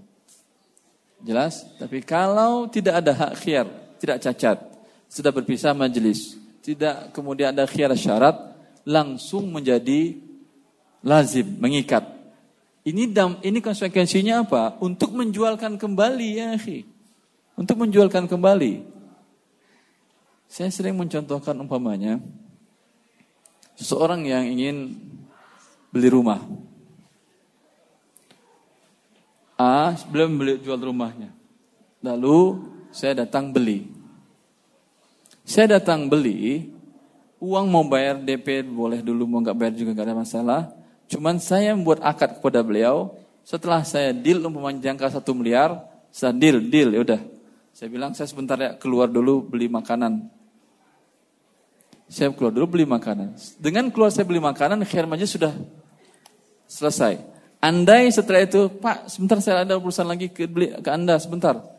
Saya datang orang nanyakan, Pak, saya mau beli rumah Anda cash ini. Kalau saya baru DP kan tadi, saya cash 1,3. Bisa dijual dia? Kalau dia jual dia, nggak ngerti dia tentang hukum jual beli tentang syariat Allah. Dia bilang saya batalin kamu kan baru bayar DP doang ini. Tidak bisa. Kan sudah berpisah majelis. Tapi kalau saya masih duduk di sana, ah, belum berpisah majelis, walaupun sudah saya bayar cash, tapi ada yang mau beli bayar cash lagi 1,3 data saya, boleh. Boleh, dia batalkan. Maaf, saya batalkan jual beli Anda, ah, saya jual pada yang lain. Makanya kalau Anda pintar menjual beli, langsung selesaikan khiat majelisnya. Sehingga akad mengikat tidak bisa dia tarik kembali. Fadol. Ya baik, untuk selanjutnya ada pertanyaan. Ya Ustaz, bagaimana jika kita menjual barang lebih murah kepada orang yang Silakan mengambil... turun, Kasihan nanti jatuh.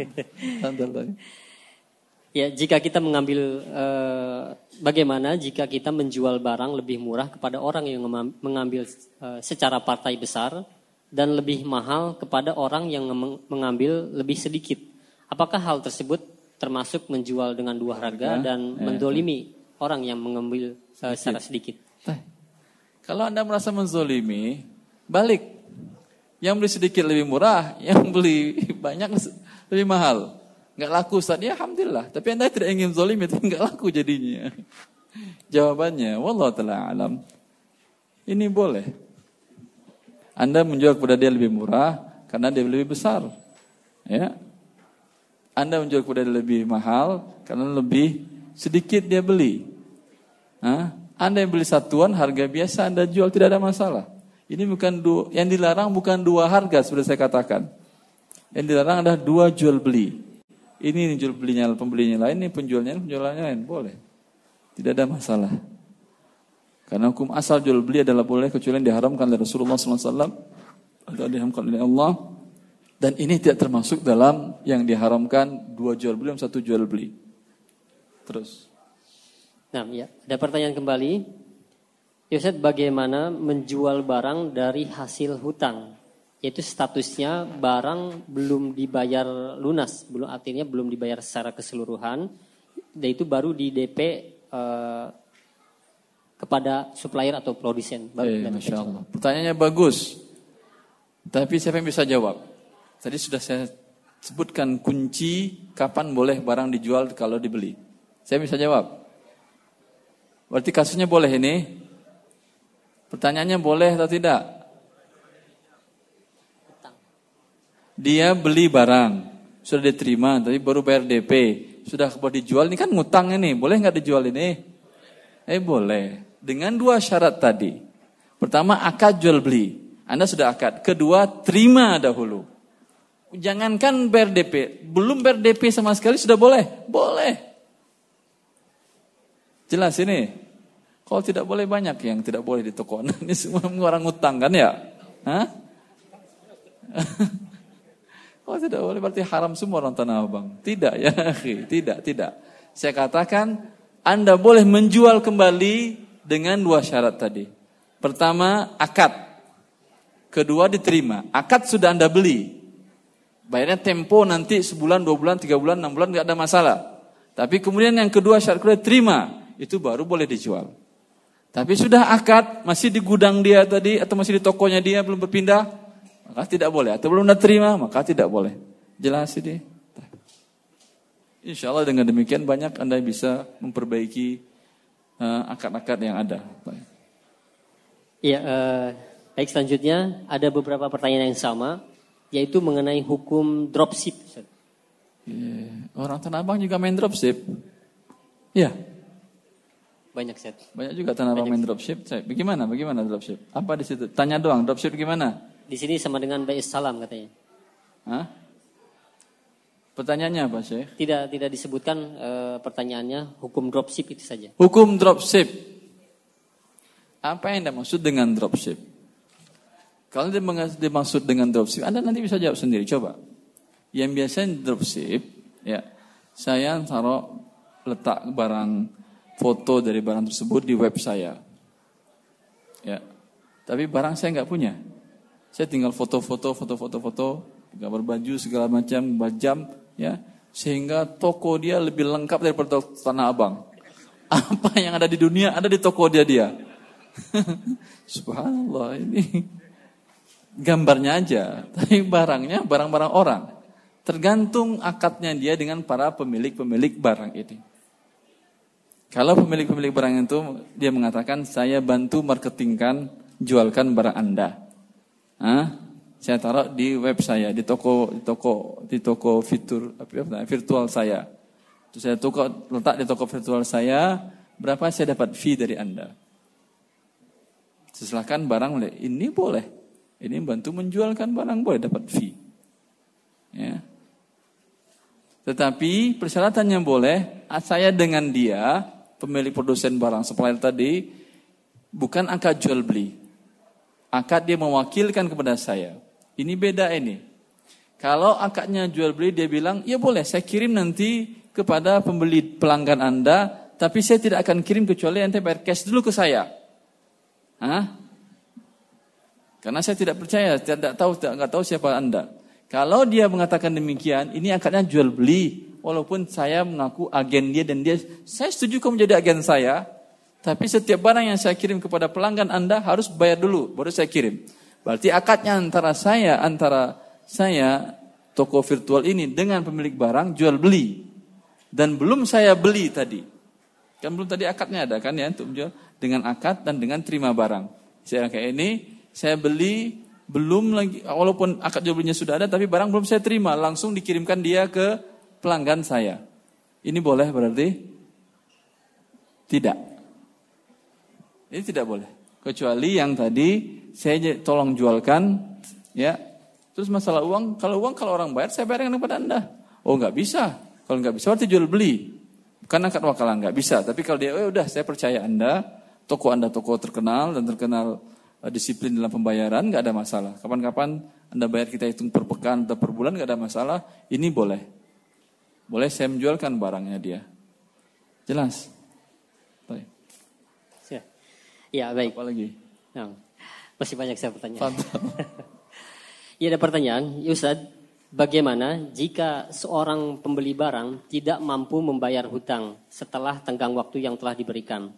Dia ingin mengembalikan barang, sedangkan barang yang ingin dia kembalikan tersebut sudah tidak laku di pasaran. Saya ingin menerima barang dengan kondisi harga sesuai dengan waktu sekarang. Tapi orang tersebut tidak mau. Dia ingin dihitung harganya sewaktu dia beli dengan harga mahal. Apa yang harus saya lakukan Ustaz? Terima kasih banyak. Eh, doakan orang ini mati cepat. ya, Anda sudah subhanallah, Anda menzolimi orang. Anda sudah beli. Bisa Anda kembalikan lagi? Tidak, kecuali tadi ada akad khiar syarat, tidak ada khiar syarat. Kemudian barang sudah Anda pakai lama. Hah? Kemudian tidak laku Anda jual umpamanya. Kemudian Anda ketika Anda mengembalikan Anda paksa dia terima. Ini pertama kezaliman yang pertama. Padahal akad jual beli mengikat. Hah? Kemudian orang itu mau terima tapi dengan akad yang baru berarti dia beli. Dia beli itu harga sekarang atau harga yang dulu? Harga sekarang karena akadnya jual beli per hari ini. Itu dia sudah terpaksa beli. Harusnya dia mengatakan saya nggak mau beli. Ini yang paksa dia mau beli. Tapi Anda paksa lagi dengan hari yang dua kali kezalimannya. Ya, kalau satu saja kau zalimin doakan mati-mati Anda apalagi dua kali. Hendaklah kita dalam bermuamalat ini mengerti syariat Allah Subhanahu wa taala dan jangan sampai menzalimi orang. Ya, kalau kasusnya seperti demikian, kalau tidak mampu, ya, tinggal mengatakan kepada dia maaf sampai saya mampu saya bayar. Ya, kalau Anda ingin Anda sita, sitalah barang ini. Dan disita bukan itu menjadi miliknya dia. Sekarang dia akan jualkan kepada orang lain barang tersebut. Berapa harga dapat per hari itu umpamanya? Dulu dia jual harganya umpamanya 100 juta. Sekarang karena sudah terpakai bisa laku umpamanya di angka 60 juta kalau sudah lama juga. 60 juta terjual 60 juta, barang diserahkannya udah mau ambil ambil serahkan 60 juta. Berarti masih ada sisa hutang Anda 40 juta. Kalau tidak Anda bayar di akhirat nanti aja kita perhitung-hitungan di akhirat. Kalau tidak bayar di dunia. Nah, ya. Baik, ini ada pertanyaan untuk uh, pembeli ya. Ya Ustaz, apakah boleh pembeli menawar barang dengan cara membandingkan dengan toko yang lain yang lebih murah? Contohnya di sana lebih murah gitu. Kok bisa gitu? Dia bohong apa enggak? Belum tahu. Ada yang bohong, ada yang benar, Ustaz. Ada bohong, ada yang benar. Kalau yang benar, tinggal nanti pergi ke sana, ngapain kemari nyakitin hati orang saja. Ya, udah tinggal bilang ya udah. Ya udah terima kasih Pak. Pergi ke sana. Nyakitin nanti orang berdosa ya akhi. Dia tahu memang sana lebih murah. Kan tadi dikatakan masih ada tenggang harga pas di atas harga pasar. Harga pasar namanya per meternya 10 ribu dijual dia. 12 ribu masih ada tenggang. Karena 13, 3, sepertiga dijual dia 13, 14 ribu baru dia berdosa. Mengambil keuntungan lebih mahal dari harga pasar. Jelas, jangan bikin sakit orang padahal dia halal yang dijual dia. Kan dia halal, saya katakan masih tenggang dari sepertiga tadi. Baik. Jelas para pembeli? Iya, baik untuk selanjutnya. Jadi ada pertanyaan, ya Ustaz bagaimana dengan jualan makanan jika sedang ramai maka porsinya dikurangi, jika sedang sepi maka porsinya penuh.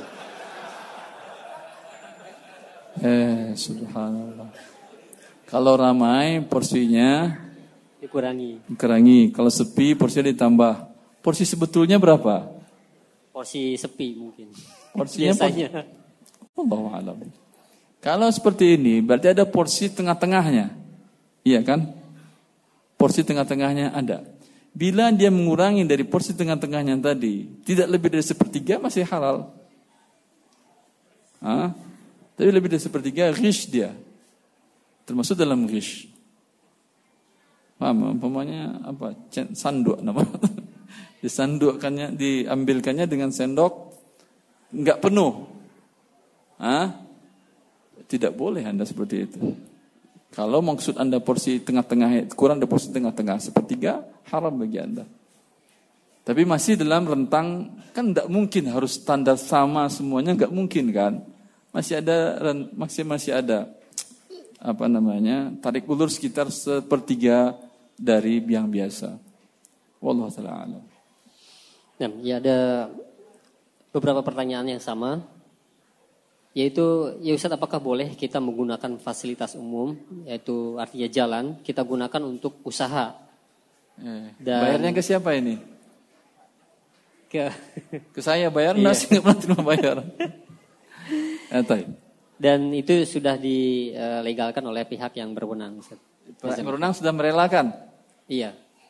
Di tapi, sini ditanyakan seperti tapi itu. tapi pengguna fasilitas umum tidak merelakan ya Umpamanya baca umum seperti tempat pejalan kaki. itu trotoar, itu bukan hak pemerintah lagi. Karena sudah dibuat untuk itu tersebut. Maka bila ini ambil, Anda bayarnya bukan ke pemerintah, bukan ke preman, bukan ke haji apa, bukan ke apa, bukan. Bayar ke setiap orang yang mau jalan tadi. Bayar uang sewa. Uang sewa ini jalanan saya loh. Paham anda saya maksud? Paham yang saya maksud? Maka nggak mungkin. Walaupun sudah direlakan oleh Pak Beruna segala macam, karena ini besar umum. Kecuali dibuat oleh pemerintah ini adalah tempat jualan. Lain lagi halnya. Wabillahi taufik. Ya, ada pertanyaan kembali ini e, di pasar-pasar juga banyak dilaksanakan arisan Ustaz. Ini ada penjelasan sedikit. E, saya ikut arisan, nomor satu dipegang atau diambil oleh penyelenggara arisan.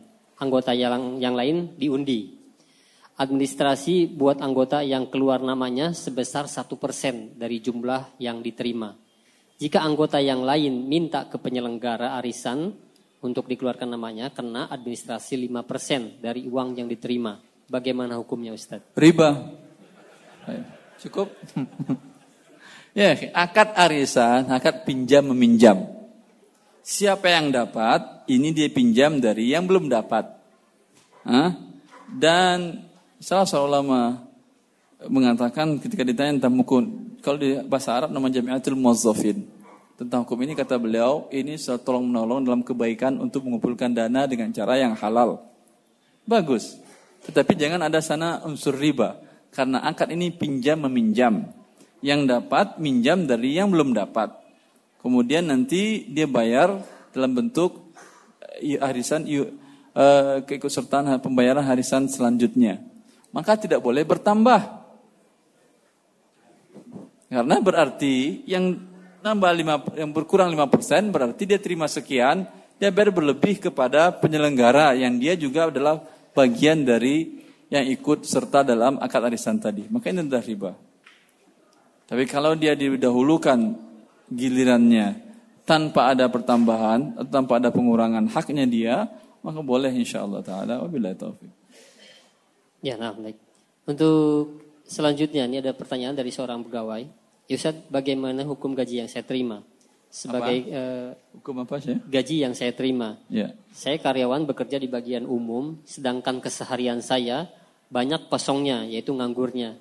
Karena uh, bekerja hanya duduk saja. Kadang saya gunakan waktu untuk keperluan pribadi. Eh, banyak kosongnya. Berarti Anda digaji untuk kosong. Alhamdulillah ya akhi. Anda orang yang mulia. Orang digaji untuk sibuk mengerjakan ha, pekerjaan yang diberikan oleh pemberi gaji kepada kepada orang tersebut. Anda tidak digaji untuk diam saja. Kosong. Alhamdulillah. Ya, bila tujuan ini biasanya umpamanya pihak keamanan kali ya. Jadi bekerja untuk diam, untuk perhatikan. Sebetulnya bukan diam, yang perhatikan juga. Bolehkah waktu-waktu ini digunakan untuk untuk kegiatan pribadi? Seperti SMS, ah, WA dan lain-lain boleh, tapi izin dulu kepada yang mempekerjakan Anda. Boleh nggak saya gunakan waktu itu senggang untuk WA atau baca sampai pun baca Quran? Kalau diizinkan oleh dia nggak ada masalah. Karena bagaimana Anda pencuri sedang beraksi pada saat Anda sedang asik WA? Hah? Zolim Anda kepada pemberi gaji Anda ini tidak halal. Tapi kalau diizinkan dia, ternyata kecurian, dia bilang kan Anda mengizinkan saya WA. Di waktu senggang. Taib. Allah ibarik fik. Harus izin dulu kepada pemberi kerja Anda. Tapi secara secara moral kerja tidak ada hak Anda untuk menggunakan kesan pribadi tadi karena sudah digaji Anda untuk diam. Ya. Tapi kalau Anda gunakan dengan berzikir tidak ada masalah yang tidak mengganggu aktivitas untuk apa Anda digaji tadi. Wabillahi taufik. Ya baik, untuk selanjutnya ada pertanyaan. Ya Ustaz, apakah boleh hutang pihutang sebagai berikut? Kita meminjamkan emas dengan jaminan tanah yang boleh digarap dan hutang baru dapat dibayar setelah tempo 30 tahun. Kalau tidak boleh, bagaimana penyelesaian Ustaz mengingat hal tersebut sudah berlangsung selama 10 tahun? Eh, ini banyak di Sumatera Barat ini kan ya? Jawa Barat juga banyak, saya kira tempatnya juga banyak. Hah? Pinjam uang, ya. Selagi uang atau emas belum dikembalikan, barang gadaian digunakan oleh si pemberi pinjaman. Ya. Ini yang riba. Ini dia riba. Kenapa? Karena tanpa pinjaman dia saya berikan pinjaman kepada beliau 10 juta. Hah? Dia berikan sawahnya sebagai jaminan. Dan sawahnya saya yang garap. Atau motornya sebagai jaminan. Motornya saya yang pakai, saya rentalkan. Atau mobilnya saya pakai, saya rentalkan. Tanpa pinjaman 10 juta ini, mungkinkah dia menyerahkan sawahnya untuk saya pakai? Tidak. Kalau iya, nggak apa-apa. Biasa kok saya minjam sawah dia, sekali dua kali bisa kok motornya saya pakai dua bulan tanpa minta upah ah, mobilnya saya pakai tanpa minta upah biasa. Kalau biasa boleh. Tapi nggak mungkin dia menyerahkan barang-barang jadanya ini dan mengatakan saya walaupun dia mengatakan saya ikhlas saya redho eh kalau gitu jadi halal ikhlas redho tidak. Bukankah bank riba itu mengatakan ikhlas dan redho memberikan pinjaman riba kepada anda? Dan Anda juga ikhlas dan redho bayar bunga ribanya. Ikhlas saya. Halal, tidak halal. Karena bukankah A dan B berzina juga saling redho? Jadi halal dia tidak. Bila Allah mengharamkan Anda redho, tidak ada guna keredaan Anda. Allah yang marah dari awal. Hah? Maka ini adalah riba. Karena yang dibayarnya, ketika dibayar dia 10 juta, dia bukan bayar 10 juta ke saya. 10 juta bertambah dengan sewa ini selama ini gratis. Andai saya pakai setahun, mobil sebulan berapa sewanya? Sampai sejuta? 3 juta. 3 juta berarti 3 bulan lunas sudah hutang. Kembalikan mobil, ah, udah lunas hutang. Jelas. Apalagi tadi 30 tahun sawah tadi ya ini seharusnya yang minjamin uang dia yang berhutang sekarang. Sewa sewa sawah tadi selama berapa waktu tadi. Maka perhitungkan. Sekarang kalau ingin islah, kalau ingin memperbaiki bertobat, biasanya Ustadz itu dulu dulu, dulu Ustadz kami enggak. Alhamdulillah kami enggak kami tahu. Tapi sekarang gimana penyelesaiannya? Penyelesaiannya adalah seperti yang saya katakan tadi. Yaitu perkirakan berapa bagi hasil sawah ini. Kan biasanya untuk pemilik berapa? Dua per tiga kan ya? Ya sepertiga untuk si pengelola. Ya, sepertiga untuk si pengelola. Dua per tiga yang milik anda ini kan diambil oleh pengelola juga kan ya? Berapa angka rupiahnya? Angka dua per tiga tersebut selama ini sama dengan nilai hutang, habis hutangnya. Anda berlebih dari nilai hutang, minta kembaliannya dan wajib dikembalikan dalam sepuluh kalau tidak jadi riba dia. Kalau kurang, tinggal tambah atau pakai lagi sekali lagi. Bahwa tinggal kurang sekali lagi, udah pakai sekali insya Allah lunas hutang. Jelas? Ya baik. Untuk selanjutnya ada pertanyaan, ya Ustaz bagaimana perhitungan zakat perniagaan? Apakah dihitung berdasarkan total aset ataukah keuntungannya saja? Eh, Alhamdulillah ada yang bertanya tentang zakat. Saya khawatir nggak ada yang bertanya karena ini bisa merugikan. Tidak, zakat tidak merugikan Anda. Zakat akan bersihkan harta Anda dan akan menumbuhkan harta Anda. Allah yang merugi, yang dirugikan, yang dihancurkan oleh Allah adalah, adalah riba. Zakat ditumbuh kembangkan oleh Allah harta Anda. Yamhaqullahu riba wa yurbis sadaqat. Allah hancurkan riba, Allah habiskan harta riba, adapun harta yang dizakatkan kata Allah Subhanahu wa taala tumbuh kembangkan. Lihat cara berfikir Anda perbaiki sesuaikan dengan ketentuan Allah. Allah mengatakan, dalam rasio Anda saya pinjamkan uang 10 juta. Nanti saya minta kembaliin setelah dipakai di 6 bulan 12 juta. Nah, ini dalam rasio Anda nominalnya bertambah atau berkurang? Bertambah 2 juta kan ya? Tapi kata Allah, Allah hancurkan itu. Allah habiskan. Jangankan 2 jutanya, harta 10 juta pun habis. Ini kata Allah. Tapi kalau Anda bersedekah, ah, harta Anda terima umpamanya gaji atau uang atau hasil apa 10 juta. Anda sedekahkan 2 juta. Berkurang atau Anda bertambah? rasio-rasionya bertambah atau berkurang? Berkurang, tapi kata Allah, yurbi, bertambah kata Allah Subhanahu wa taala. Sekarang siapa yang betul? Anda atau Allah? Pasti Allah. Pasti Allah. Dan lihatlah oleh Anda, krisis demi krisis, para ekonom barat yang kafir itu mereka tahu dan tahu bahwa menyebabkan krisis ekonomi, inflasi segala macam dari zaman dahulu sampai sekarang adalah riba. Sampai para ekonom itu mengatakan tidak akan pernah selesai urusan inflasi eh, ekonomi ini, kemudian krisis ekonomi kecuali orang-orang meninggalkan riba dan tidak ada riba. Itu mungkin. Ketika masih ada riba, maka tidak akan mungkin dunia terlepas dari krisis. Ya. Pertanyaannya apa tadi? Lupa saya. Mengenai perhitungan zakat. zakat. Maka Anda keluarkan zakat Anda, sesungguhnya Anda sedang mengembangkan harta Anda.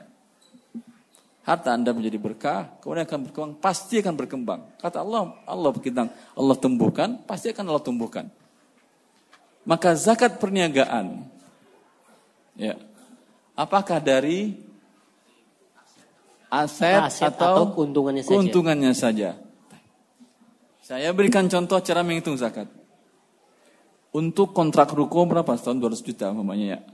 200 umpamanya 200. Kemudian untuk uh, desain interior umpamanya berapa? 10 210 modal. Untuk barang diperjualbelikan berapa biasanya? Berapa angkanya kira-kira? 100. Hah?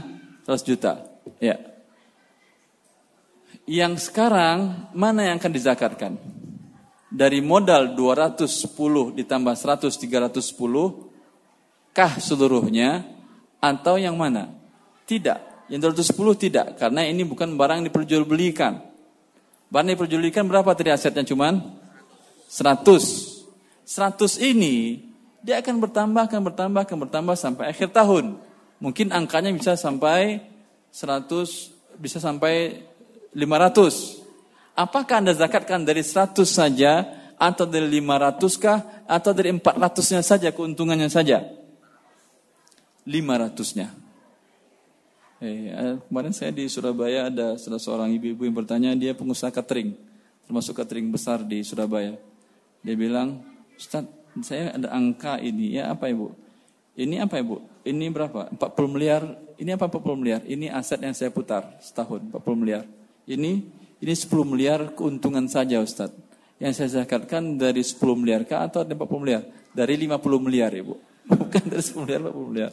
Karena semuanya jual beli. Semuanya perniagaan. Jelas ini. Sampai dia nisab semuanya perniagaan.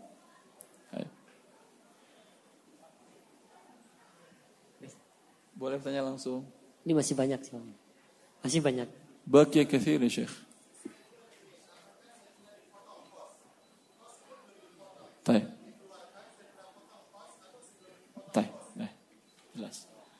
Apakah setelah dipotong kos atau sebelum potong kos? Yang dihitung adalah berapa uang akhir Anda di akhir tahun wajib haul. Beginilah saya jelaskan masalah zakat secara ringkas ya. Saya tadi saya tadi punya modal 200 juta kontrak, 10 juta desain interior, kemudian 100 juta adalah barang yang jual belikan saya mulai usaha satu Ramadan. Sekarang barang saya yang saya jual belikan ini, harta zakat ini, sampai satu nisab. Sampai satu nisab atau tidak? Sampai, kalau nisab cuma 45. Kecuali kalau barang yang saya jualkan, desain interior dengan kontraknya umumnya 500 juta. Tapi barang yang saya jual belikan hanya di angka 40 juta. Masih kurang 85 gram emas. Sampai nisab, belum. Ada kewajiban zakat? Tidak. Modal 500 juta Ustaz. Walau modal 500 juta. Karena barang yang dikenakan zakat hanya barang yang Anda putar ini. Jelas? Sekarang anggap tadi sudah sampai ini sob 100 juta. Diputar 100 juta sampai ini sob. Dan selama rentang tahun dari awal tahun sampai akhir Ramadan ke depannya, mulai dari anggap satu Ramadan, Ramadan tahun depannya, ha, masih tidak pernah turun dari 43 juta modal Anda yang diputar tadi. Sekarang wajib zakat. Kalau turun, lah qadar Allah rugi di, di, di tengah tahun, tinggal dihitung modal ketika bulan ke-7 umpamanya, cuma tinggal angka 30 juta. Sampai nisab? Tidak. Wajib zakat? Tidak. Hitung lagi kapan mulai dia naik sampai nisab. Karena Anda bisnis terus. Bulan ke-8 Alhamdulillah sampai angka 60 barang dijual belikan. Sampai nisab? Sampai nisab. Ini hitung pegang haul lagi. Yang tadi batal sudah. Jelas? Yang tadi batal sudah. Karena kurang selesai nisab. Kemudian ini sampai terus dan tidak turun-turun dari sampai nisab sampai akhir tahun. Alhamdulillah sekarang akan dikeluarkan. Ini yang dikeluar dihitung barang tadi kan selama setahun nggak digaji pegawainya. Digaji kan pegawainya. Buat biaya hidup Anda dipakai dipakai sudah. Ini yang dihitung adalah pada hari itu ini sudah bersih. Barang yang belum ada hut kan barang kan ngutang sebagian kan ya. Kalau barang yang ngutang ya, kalau tidak Anda bayarkan akan mengurangi tidak akan mengurangi nisab. Tapi kalau Anda bayarkan berkurang dia. Paham? Umpamanya ini tadi angka 100 juta. Bayarkan hutang umpamanya ada hutang sekitar 70. Ah, ini uang cash 70 atau ini berbentuk barang atau apa pun namanya Anda bayarkan sehingga berkurang aset Anda, berkurang nisab tidak ada wajibkan zakat. Tapi masih dalam bentuk barang Anda, kan Anda sudah beli. Bukan nitip, kecuali yang nitip jangan hitung zakatnya, biar dia ngitung. Tapi kalau dengan akad beli kan berpindah kepemilikan yang pada Anda, risiko di tangan Anda. Paham? Dengan demikian, hitung barang yang ada, lihat cash yang ada uang cash, ah, semuanya dikeluarkan zakatnya. Itu tentu setelah dibayar gaji-gaji pegawai. Enggak mungkin setahun nggak Anda bayar gaji pegawai. Jelas ini? Nah, Ustaz, dia masih berbentuk barang Ustaz. Boleh Anda keluarkan barang dalam bentuk zakat dalam perniagaan. Tapi sebaiknya adalah uang. Tapi kalau Anda ingin keluarkan barang, repot saat menjualinnya. Ya udah, keluarkan barang tadi, tapi akan repot Anda dengan membagi persennya. Dua setengah persen ada baju lebih satu. Gimana? Dipotek. Baik, maka sebaiknya dalam bentuk uang. Allah barik fiqh. Iya, mungkin uh, tadi dibicarakan ada yang mau bertanya langsung. Silahkan. Assalamualaikum. Assalamualaikum warahmatullahi wabarakatuh. Ustaz, uh, ya. uang yang saya putarkan ya. buat semuanya kan hitung zakat.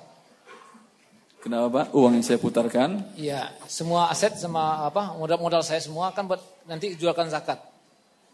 Modal-modal semua dikeluarkan zakat? Iya. Setelah uh, uh, sampai waktunya, kita kan keluarkan zakat semuanya. Eh, apa yang maksud Bapak, maksud Bapak dengan aset itu? Uang.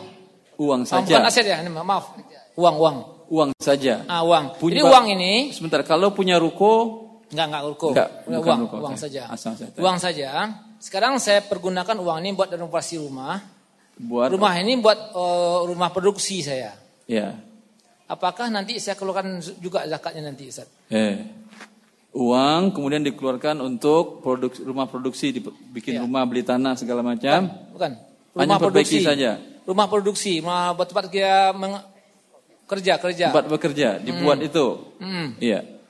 Ini sekarang rumahnya mau dijual atau tidak? Tidak. Tidak. Berarti bukan harta perniagaan dan tidak ada zakat rumah. Jelas. Tapi kalau umpamanya rumah produksi ini memang dibuat, tapi siapa yang mau beli silahkan beli. Angkanya disetujui, berarti ini barang dagangan.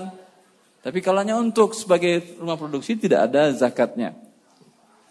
Kalau gitu bisa dong Ustaz orang lari dari zakat setiap punya uang sampai nisab beli tanah. Hah? Beli rumah lagi, beli apartemen. Ya silahkan. Silahkan. Asalkan jangan niatnya lari dari zakat. Dia ingin prestasi yang lain boleh. Kecuali kalau dia niatkan apartemen itu apa gunanya untuk tempati? Tidak. Tapi kalau ada yang beli harganya sudah naik, saya jual. Hah? Ini berarti masuk barang dagangan. Kena zakat. Jelas? Allah barik Terima kasih Ustaz. Ya, ada lagi ya kita akan berikan kesempatan. Assalamualaikum. Assalamualaikum warahmatullahi wabarakatuh. Ustaz, saya mau tanya. Iya, Pak. Kita ini kan pedagang. Iya, Pak. Jadi dalam transaksi itu ada orang belanja itu pakai giro. Pakai giro. Seandainya gitu. Eh. Sedangkan giro itu nantinya dijual dengan orang. Sebentar, sebentar. Giro ini kapan bisa dicairkan? Misalkan sebulan jangka waktunya. Sebulan jangka waktunya. Ke ke B gitu. Sedangkan B ini ditukarnya dengan orang. Tukar dengan orang. Iya, itu kan kena bunga itu. Sebentar, angka gironya umpamanya 100 juta. Iya.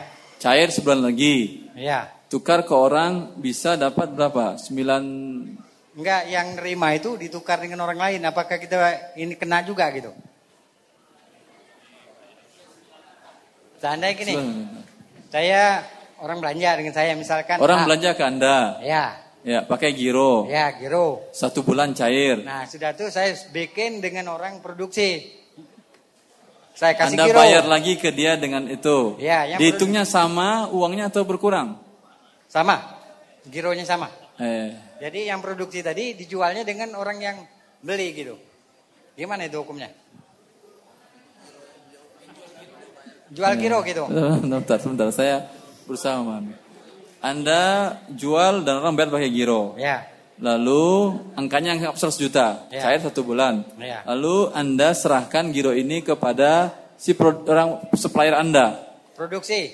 Sana ya, produksi lah gitu. Supplier boleh juga. Iya, orang yang masukin barang pada Anda yang Anda beli barang pada ya. dia. Nih angkanya 100 juta juga ya. kan ya? Iya. Ya. Kalau masih angkanya sama, boleh. Kalau angkanya masih sama, boleh. Tapi kalau angkanya tidak sama, karena umpamanya dia ingin uang tunai, silahkan nggak masalah bagi saya 98 silahkan. Ini menjadi tidak boleh dia tukar menukar yang tidak tunai. Kalau umpamanya angkanya sama boleh, tapi kalau angkanya tidak sama dia bilang oh nggak bisa. Ini sebulan lagi saya maunya cash. Kalau sebulan lagi berarti saya anggap 98 ya. Ini tidak boleh. Berarti ini ada riba kurang berlebihan sebanyak 2 juta jadi riba fadal. Berarti ini nominalnya pasti berkurang. Hah? Nominalnya pasti berkurang. Sebanyak gironya ditukar lagi gitu. Pasti minta potongan gitu. Iya kalau dia tunggu sebulan kan nggak bakal berkurang. Iya. Iya, Anda sekarang nggak berdosa dengan dia, tapi kalau dia dia ingin cash, tentu dia dapat 98. Dia yang berdosa, Anda tidak. Enggak kita kan? Hah? Enggak masalah kan? Anda tidak masalah, dia yang bermasalah. Oh, itu yang saya tanya. Iya, kalau dia ingin cash, dia tukarkan, dia bermasalah. Bilang kepada dia, jangan mau jadi masalah kamu. No. Tunggu aja sebulan.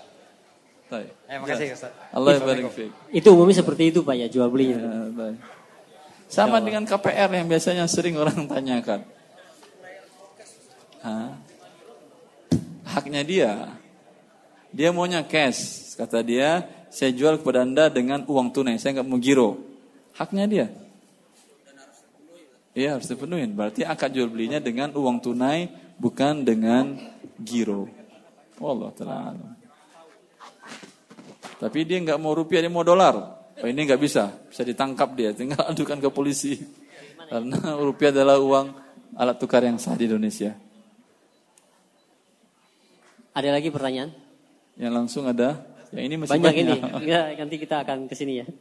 Balik kembali. Ya ini ada pertanyaan. Ya Ustaz, saya menjual barang kepada perusahaan-perusahaan. Menjual? Menjual barang. Ya. Kepada perusahaan-perusahaan Yeah. Setiap saya menjual barang, maka berhasil menjual, maka saya kasih kupon uh, yang bisa ditukarkan dengan souvenir dan lain-lain dengan tujuan agar customer tidak pergi uh, ke ke penjual ke pembeli yang lain, maksudnya ke penjual yang lain. Ya, ya. Tanyaannya? Ya itu. Bolehkah atau tidak? Bolehkah seperti itu? Eh. Souvenirnya angka berapa harganya ini? 10 ribu cuman? tetap pindah dia ya seluruh. Kalau mau kasih uang cash yang lebih besar atau potong, beri diskon lebih murah sehingga dia nggak pergi ke mana-mana. Ya ini boleh, nggak ada masalah. Berarti dia mengurangi, dia tadi mengatakan harga sekian, lalu ditambahkannya dia barang. Barang ini namanya hadiah, murni hadiah. Hukum asalnya boleh tahadu tahabu Rasulullah SAW. Ya. Ya. ya. Ya. Ya. Harga barang seribu kopi. Oh, ini enggak hadiah namanya, undian. Mungkin dapat, mungkin tidak. Kalau ini enggak, setiap yang belanja dikasih hadiah. Lain kasusnya. Ini setiap yang belanja belum tentu dapat motor atau pasti dapat motor. Saya beli kopi 500 kalau gitu saya dapat motor 500. Tidak kan? Kalau undian, hah? Dilihat. Berarti si pabrik kopi ini sekarang ada program undian motor. Ya. Dan si pembeli akan mengharapkan ketika membeli dapat undian motor. Tapi mungkinkah dapat? Mungkin iya, mungkin tidak. Kalaulah harga kopi ini ada program undian motor, tidak ada undian program motor sama. Hah? Sama. Berarti ini murni hadiah. Tapi kalau harganya ketika ada undian motor harga lebih naik. Sekarang kan ada di sebagian produsen, bagian baik jas atau toko-toko segala macam. Ketika ada program undian akan dinaikinya. Dari selisih itulah dia belikan hadiah. Ditambah juga dengan uangnya sedikit. Ketika ada selisih ini berarti Anda ketika membeli barang ada ada harga harga uang Anda yang akan digunakan untuk hadiah yang nanti Anda mungkin dapat mungkin tidak ini judi.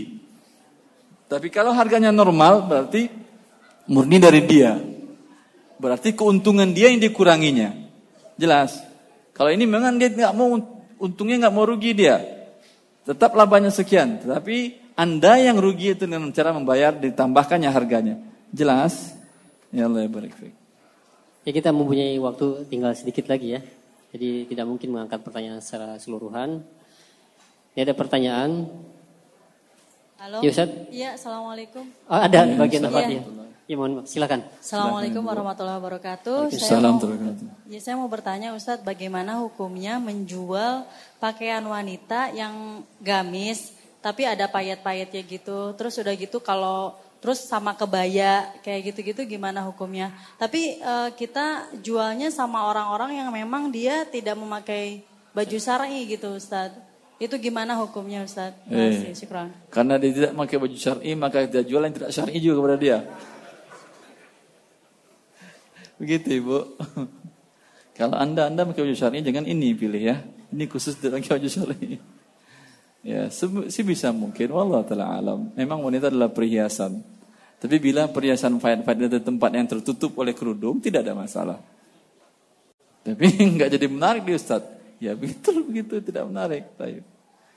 Ya, beda mungkin adat istiadat di sebagian negara seperti di Arab Saudi itu pakaian dalam wanita itu pakaian wanita yang biasa dipakainya itu buat bukan buatan model-model dari Prancis kebanyakan tahu sendiri itu bagaimana tapi di luarnya dia pakai abaya ditutup semuanya jadi di dalam bebas. Jadi di sana bebas jual pakaian apa pun juga karena dia ditutup tapi di Indonesia Allah taala alam di mana terbuka pakaiannya memang itu pakaian luarnya ya. Dan ini seperti yang tadi katakan tidak syar'i kan ibu mengakui tidak syar'i kan?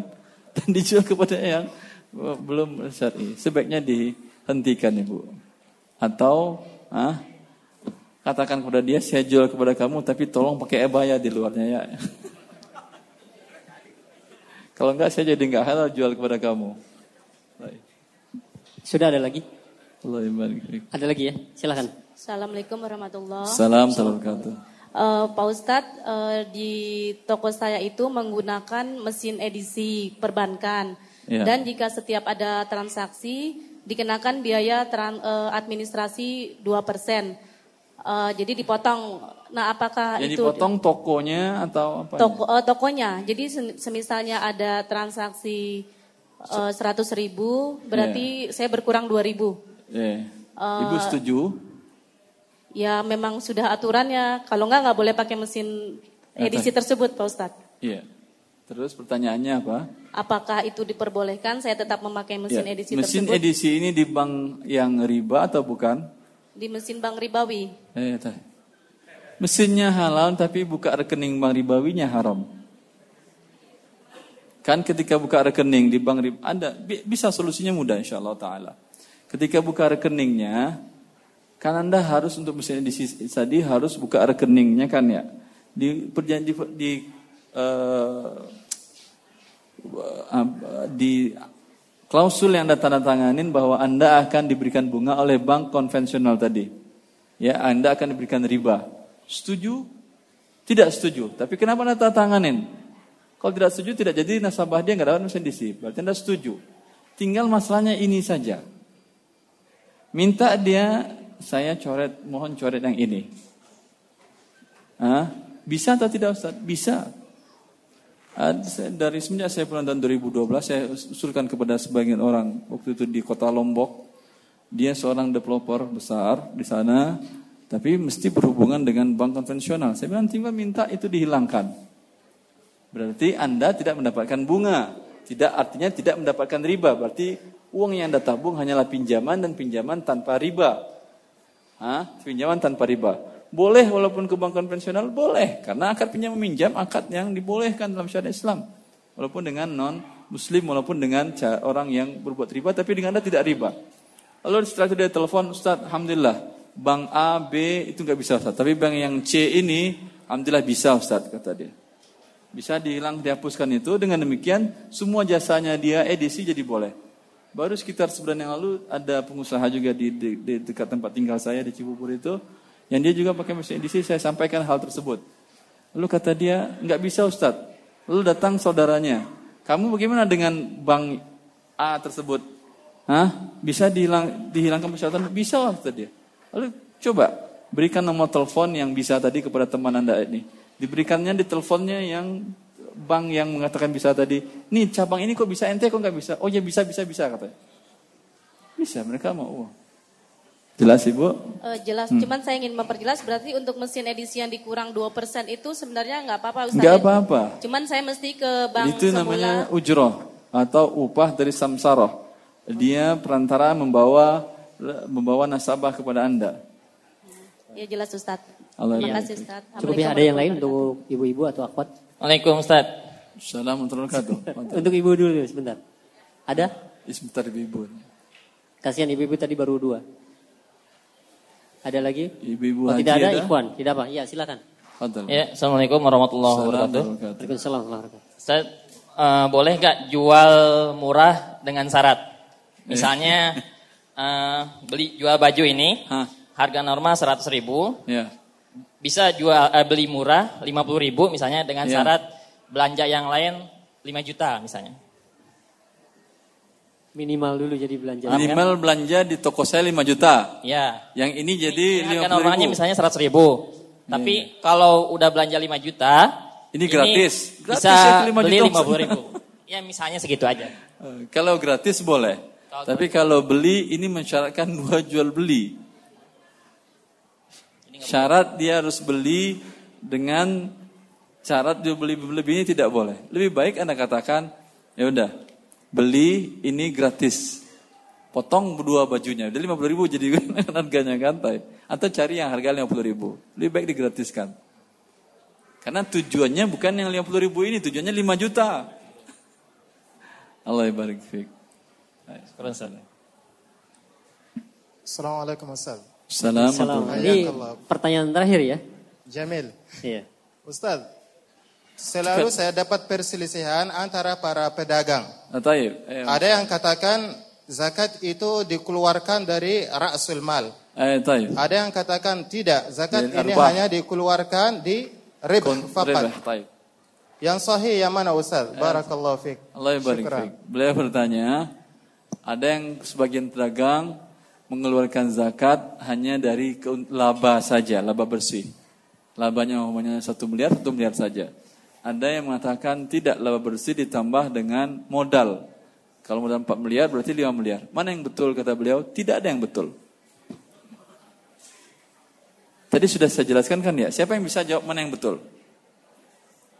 Bukan dari modal dikeluarkan, tapi dari aset yang diputar. Seperti yang saya katakan tadi, modal bisa 1 miliar, sewa ruko 500 juta setahun. Hah? Ini dikeluarkan ke zakat atau tidak?